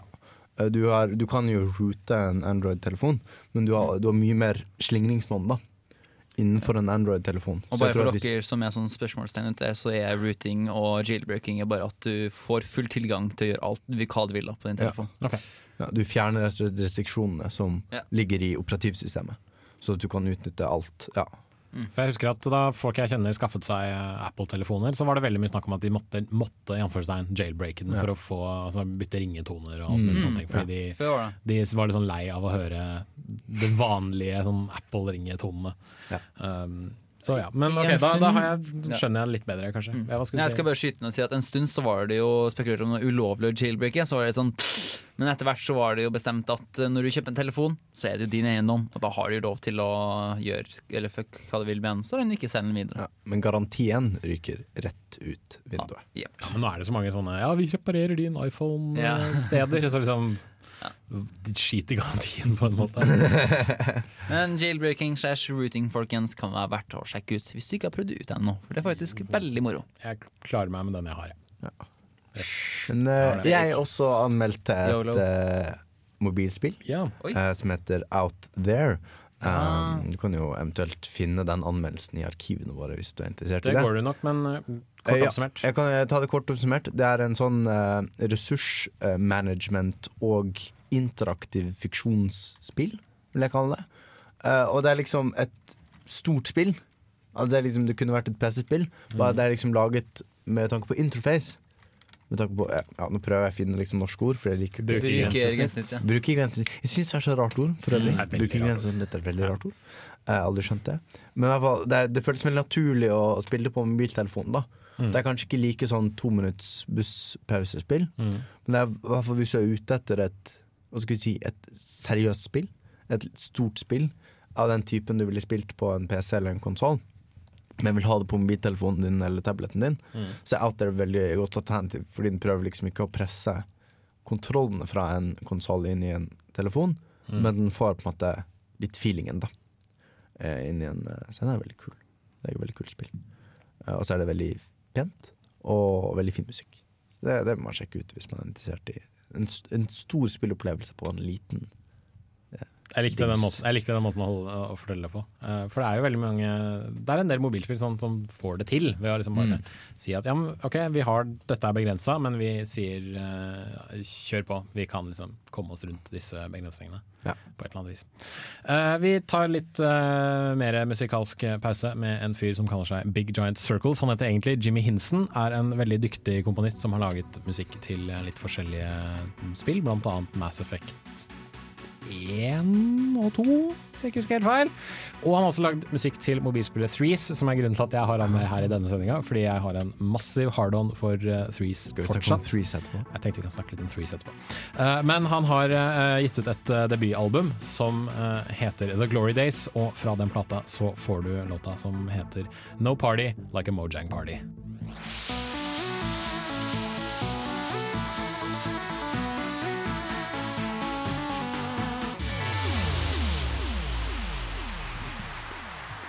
Jimmy Hinson, eller Big Giant Circles, som han også kaller seg, med låta No Party Like a Mojang Party. Og Hvis du hørte godt etter, så hørte du kanskje en Hadoken inni der. Hvem vet. Um, ja, vi snakker om mobilspill. Vi er Kontroll Elite, selvfølgelig. Det visste du jo. Ellers så hadde du ikke hørt på oss, for så vidt. Så hvorfor jeg sier det, det vet jeg ikke. Men sjekk ut uh, plata til Big Giant Circles, The Glory Days. Og ikke minst, spill mobilspillet Threes, som han har laget uh, musikken til. Og uh, før noen av dere spør Ja, men Jens Erik, kan ikke du la være å slutte kan ikke du la være å snakke om threes? Jeg du har vet ikke hva snakket så- threes er. Du har snakket så jævla mye om threes før. Så sier jeg ja, det har jeg, men jeg skal snakke litt mer om det. Yay. Threes er i mine øyne et perfekt mobilspill. Oi, hvorfor det? Så til de grader. Det er enkelt. Du kan spille det lenge eller kort, sånn avhengig av hva du selv vil. Det er veldig fengende, både grafisk, spillmessig og musikkmessig. Og det, eh, det Hva skal jeg si? Det, det svarer til noe litt sånn primalt i oss, som er det at vi liker å se tall vokse seg større. Men for folk som ikke For folk som meg som ikke har fulgt med på det som har snakka om Threes før, Jens Erik, hva går Threes ut på? Threes går ut på at du skal kombinere tall, sånn at disse tallene kan vokse seg større. Uh, og fordi spillet heter Threes, så skjønner man kanskje at man skal kombinere tall som går opp i tre. På visse vis. Eh, som regel så starter det med at du har på spillebrettet foran deg, som er et rutenett av 4x4, så du har 16 ruter å manipulere ting rundt på. Så har du kanskje noen tretall, du har noen enere og du har noen toere. Slår du sammen én og to, får du tre. Slår du sammen tre og tre, så får du seks. Slår du sammen seks og seks, så får du tolv. Tolv og tolv, 24. 24 og 24, 48. 48 og 48, 96. Og så videre og så videre. Og så videre. Og du kan låse opp eh, helt opp til Vet du hva, nå skal jeg finne fram telefonen min, nå skal jeg sjekke ut. Fordi eh, alle disse tallene har sine egne personligheter og sine egne navn. Og det er det som appellerer litt til meg, da, fordi når du ser på dem, så når de er ett-tall, når de er enere og toere, så er det ingenting ved dem. Men når de, blir, når de er en treer, så har de et ørlite fjes. Sekserne har et litt større fjes. Tolverne har et enda større fjes, Oi, osv. Når du da kommer til uh, 96, som ser ut som en slags sånn monsterting. uh, 192 er en DJ. 384 er en liten pirat med en liten sånn tann på, på, på snei. Uh, nummer 768 er en vampyr som heter Triferatu. Alle har noe med sånn tri i seg. Da. Og 1536 er en sånn edderkoppting som heter Terence, som har eh, eh, åtte bein. Terence Despire. Og du skal kunne låse opp til sammen uh, 16 forskjellige sånne nei, talltyper. Uh, og de aller fleste, tror jeg, har kommet til eh, kombinasjonen av 1536 pluss 1536, som da blir eh, 3072, hvis jeg ikke tar helt feil, med litt sånn enkel, kjapp hoderegning. Uh, og men så vidt uh, utviklerne vet, så er det ennå så er det noen som ennå har til gode å faktisk vinne threes. Oi. Ja. Det er faktisk ikke gjort. Det er faktisk ikke gjort. Hvordan vinner man Threes, da? Det er vel da å låse opp den aller siste Ja, ja, ja. brikka, selvfølgelig, og sanke uhorvelig mye poeng. Fordi etter hvert som du det, du da gjør, det du gjør på dette rutenettet, er at du skyver tommelen din over skjermen, og da flytter alle eh, tallene seg ett hakk i den retningen. Og for hver gang du flytter noe, så kommer det inn et nytt tall fra motsatt side av det du flytter. Så liksom sklir du til venstre, så kommer det noe fra høyre inn mot venstre. Og Sånn kan du hele tiden da passe på at å ja, hvis jeg går nedover og venstre, mot venstre, så kommer det alltid noe fra toppen og fra høyre. Og, men etter hvert som du flytter på disse tingene, så vil jo etter hvert brettet fylles opp med tall. Og etter hvert så kommer det inn større og større tall. Så eksempel da når du har låst opp eh, tallet 12, så kommer det inn seksere etter hvert. Blant treerne og blant enerne og blant toerne. Og til slutt så vil jo da hele spillebrettet fylles opp, og hvis du da ikke er taktisk og smart i å liksom sette tallene sammen, så kan det bli plutselig ganske vanskelig å holde styr på alt sammen. Uh, ja, Andreas? Det blir Jeg tror det kan virke litt vanskelig å forklare, Ja. men du skjønner det veldig veldig godt når du sitter der med spillet, for det er, det er så naturlig å spille. Mm. Det er veldig jeg vil kalle det ludologisk rent. Eh, det, er vår, fin si det er vår tids Tetris. eh, hva Ja, vet du hva, det vil jeg kanskje si. Altså. Men det er vår tids Tetris, og det passer så perfekt til Altså der Tetris passet perfekt til liksom Til den kors, eh, Mm. paden og knappene, så passer Trees perfekt til å sveipe med fingeren. Mm, absolutt. Eh, og altså det er sagt at eh, Tetris ble ikke oppfunnet. det ble oppdaget.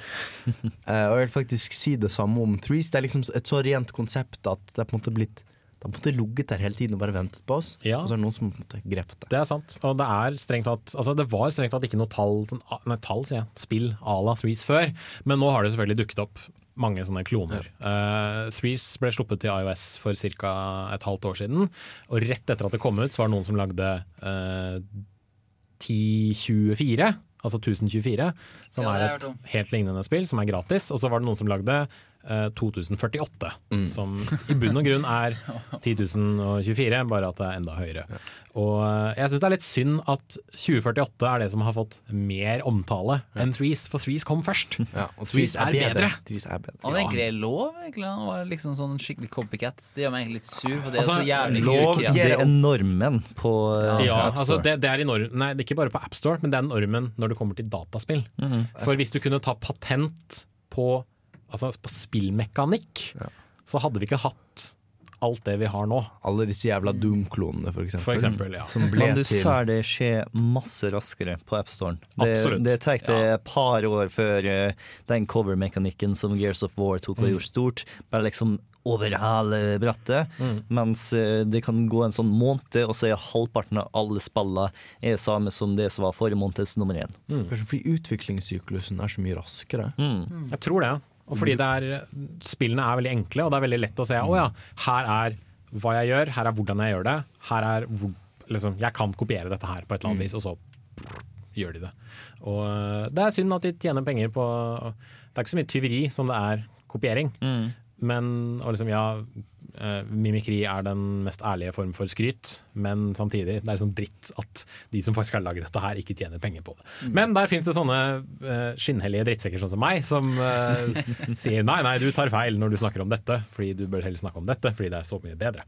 Men ja, jeg uh, syns Threes er et fantastisk spill, og jeg har veldig stor tro på at det kommer til å havne på min topp fem-liste på slutten av året. For det er et sånt spill som jeg tar opp hele tiden, så langt mer enn alle de andre spillene på telefonen min. Og jeg har, skal vi se, uh, 18 spill på telefonen min akkurat nå. Og det er Threes jeg spiller mest. Jeg vet liksom ikke hvor mye tid jeg har logget, logga i Threes, men det er nok en del. Um, så det anbefaler jeg folk å skaffe seg. Ja. Eh, er det noen andre som har noe mobilspill å anbefale? Sånn på? Det mobilspillet som jeg kanskje har hatt det mest artig med opp gjennom året, må nok eh, være Game Dev Story. Av eh, Hva er det utviklerne heter igjen? Kerog Studios? Noe sånt, ja. Noe sånt. De er i hvert fall av den typen hvor de kopierer seg sjøl, fordi at mm. som Trees og som 80% av alle andre mobilspill, det handler om å se nummer bli større. Det er et eller annet med at store nummer blir enda større, som er awesome. Eller at du kan oppgradere ting.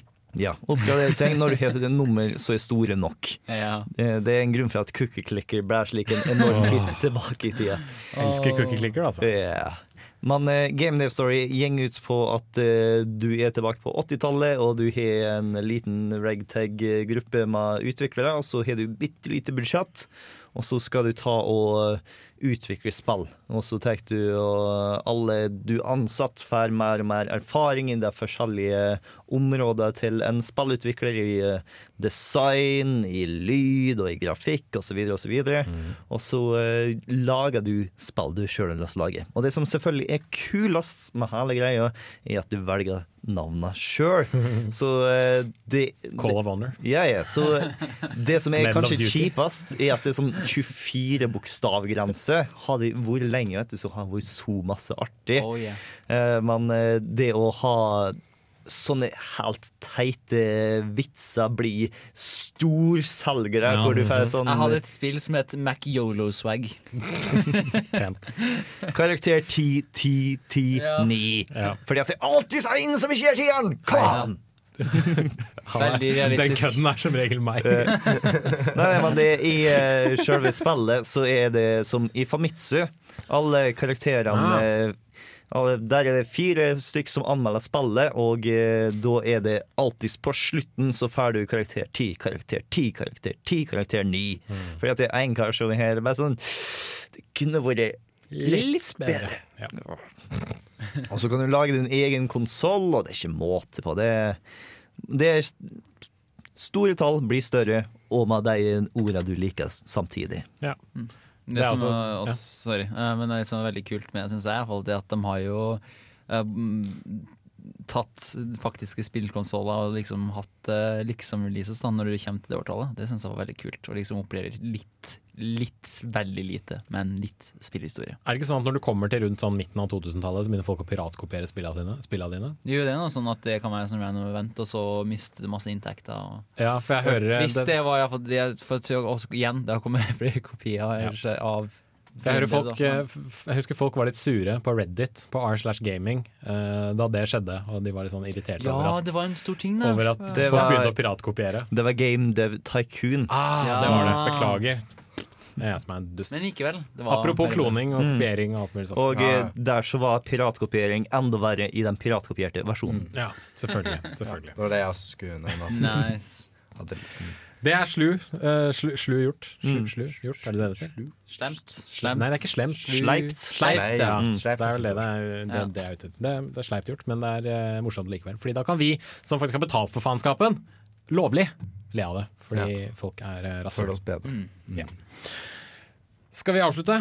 Ja. Ja, Kan vi jeg nevne én ting? Pappa. Ja, Nevn en jeg ting. skal nevne mange ting. Nevne at uh. Eh, apropos mobilspill, uh, så har Humble Bundle har ofte Ja. en sånn mobilspill-bundle. Mm. Så det vil du sjekke ut. Da kan du få skikkelig billige mobilspill, og mange. Og så er det ofte liksom noen populære mobilspill bundlet med noen mobilspill Mindre, mindre populære. ja, som du aldri har hørt om. Så da får du liksom Ja, du får det mobilspillet du så etter, og så får du kanskje også noe helt nytt. Mm. Eh, så det er spennende. Så det vil man sjekke ut, og kanskje ha en sånn e-mail notification når det kommer nye bundles. Mm. Det er mm, Det er verdt det. Hemmelbønn.com, Sign up for e-mail og ja. All good stuff. Man, eh, vi har begynt å bli litt eh, audiovisuell i løpet av de siste par dagene. Such fancy words. Yes. eh, vi slapp ganske nylig ut en av våre første videoer. Den aller første videoen som er egetprodusert på YouTube-kanalen vår Nerdeprat. eh, hvor vi tok og var på besøk på Game. Eller folk kom på besøk til meg på Game og mm. sjekka ut Oculus Rift. Fordi at, som sagt, jeg jobba på Game, og jeg, jeg prøvde å gjøre så lite som mulig på den videoen, så at det ikke skulle være noe sånn presseetisk bullshit. Men det som var at vi hadde veldig lyst til å prøve ut eh, det konseptet på et litt trygt sted, og det er også veldig kjekt å ha det i kjente miljø, og da starter vi jo der, for det er jo tross alt et eh, ganske ålreit gamingmiljø, virker iallfall sånn for meg, men vi skal også fokusere på, som også sagt i videoen, på veldig mange andre forskjellige miljø i Trondheim framover, blant annet i neste video. Hvis dere kjenner til et eh, miljø i Trondheim som jeg burde sjekke ut, gjerne send oss mail på nerdePrat.radiorevolt.no, så skal vi ta og se om vi ikke får sjekka det litt ut. Burde vel prøve å dra på Hexcon, blant annet, som Mm. handler om brettspill og sånt. Det tror jeg kunne vært, eh, vært verdt det. Ja. Absolutt. Eh, og eh, det kommer til å komme en video om eh, Makers Fair om eh, ikke så altfor mange dager, regner jeg med. Ja, må bare få tid til å redigere den, men den kommer snart. Og, og, og vi fikk snakka med noen av studentene som faktisk jobber med flerkameraproduksjon her, og vi har fått en droneflyging over hele greia. Veldig swag. Det er Så det, ja, det får vi også se. Og så masse forskjellige kule ting. Yes. Det er også verdt å ta og joine Facebook-sida vår, fordi at eh, som jeg har nevnt tidligere, så har vi på en liten vervekonkurranse hvor hvis vi får 250 eh, folk eh, som liker Facebook-sida vår, Nerdeprat med kontroll alt elite innen slutten av september, så gir jeg bort gratis spill ifra Steam-inventoryen min. Det er ikke sånne gigaspill, men det er veldig gode spill. Det kan jeg love dere. Og folks, det er gratis. Det er gratis, det er gratis. gratis. Gratis, gratis. Og Så, vi legger ut masse kule og nyttige lenker på den Facebook-sida uansett, så det er en fordel selv om du ikke får det gratis spillet. Ja, og du må absolutt ikke bo i Trondheim for å like oss på Facebook. Nei, nei, nei, jeg er jo gæren. Dataspill kan sendes elektronisk. Og er du døv eller snakker engelsk, og da skjønner jeg ikke helt hvordan du kan forstå oss her i hele tatt, men det er også tekster på YouTube-kanalen i både norsk og engelsk. Er det? Ja, ja, Ja, bra jobba. Og gjøre tilgjengelig for folk, vet. Godt jobbet. Uh, Podkasten derimot er ikke så veldig tilgjengelig. Nei. Den er teksta, det er bare det at ingen finner tak i den teksten noen sted. Nei, det er sant. Eh, men jeg gidder ikke sitte og transkribere en to og en halv time lang podkast. Det er vi jobb. Nei, nettopp. Seriøst. Det vi er studenter. Vi eh, har studier. Mm. Neste uke så er det jeg igjen som skal være programleder. Oi. Og da, ja, faktisk, i hvert fall ifølge skjemaet vårt, eventuelt, så skal kanskje Hanna ta over for meg, siden jeg nå står inn for Hanna, som egentlig skulle programledet oss i dag. Men uh, da var planen å snakke litt om uh, spillsjangere. Hva som gjør at vi klassifiserer et spill som én ting, og andre spill som andre ting. Kult. Og ikke minst om uh, sjangerinndeling uh, har så veldig mye å si nå, fordi alt er jo på en måte ikke alle sjangere, men de fleste sjangere, har jeg litt sånn funnet ut. Uh, så hvis du har noen tanker om uh, sjangere, har du en favorittsjanger, har du en sjanger du absolutt hater, og ikke minst hvorfor, uh, så hadde det vært veldig fint hvis du sendte oss en mail til nerdeprat at radiorevolt.no. Alternativt så legg igjen en kommentar på Facebook-sida vår, Nerdeprat med kontroll til litt. Bare søk etter Nerdeprat i Facebook, så finner du oss. Vi er også Nerdeprat på Instagram og på YouTube og på de fleste sosiale medier som moderne mennesker bruker. Er du en sånn MySpace-person, så må du komme deg på Facebook asap, fordi MySpace er det vel strengt tatt ikke så veldig mange som bruker lenger. Altså, det døde ganske kjapt etter at de forandra logoen sin til en mai og så et sånt mellomromstegn. Da var det ganske over. Ja, uansett. uh, Jens Erik heter jeg. Jeg har i studio hatt med meg Kristoffer Monsen, Hey. Andreas Dørum og Bård Ræstad. Og uh, jeg tror ikke det var noe mer jeg trengte å nevne da, var det det? Nei, kanskje tittelen på låta vi skal høre. Ja, det tenkte jeg selvfølgelig å gjøre. Jeg er jo ikke helt idiot heller. Jeg bare tenker at det er et god stund, en liten stund siden jeg har vært programleder for Kontroll Elite. Vi vil bare at det skal høres Sist. bra ut på podkast, Så jeg måtte jo bare forhøre meg om de siste tingene. Jeg, jeg har plukka med meg en siste sak fra Big Giant Circles, eh, hvor han har sampla Jeg tror det er jeg mener, Ja, det er Zeldas Lullaby fra uh, Zelda-spillserien, og han sampler en del sitt sånn dataspillmusikk på det nyeste albumet sitt, som heter The Glory Days. Her får du A Rose in a Field.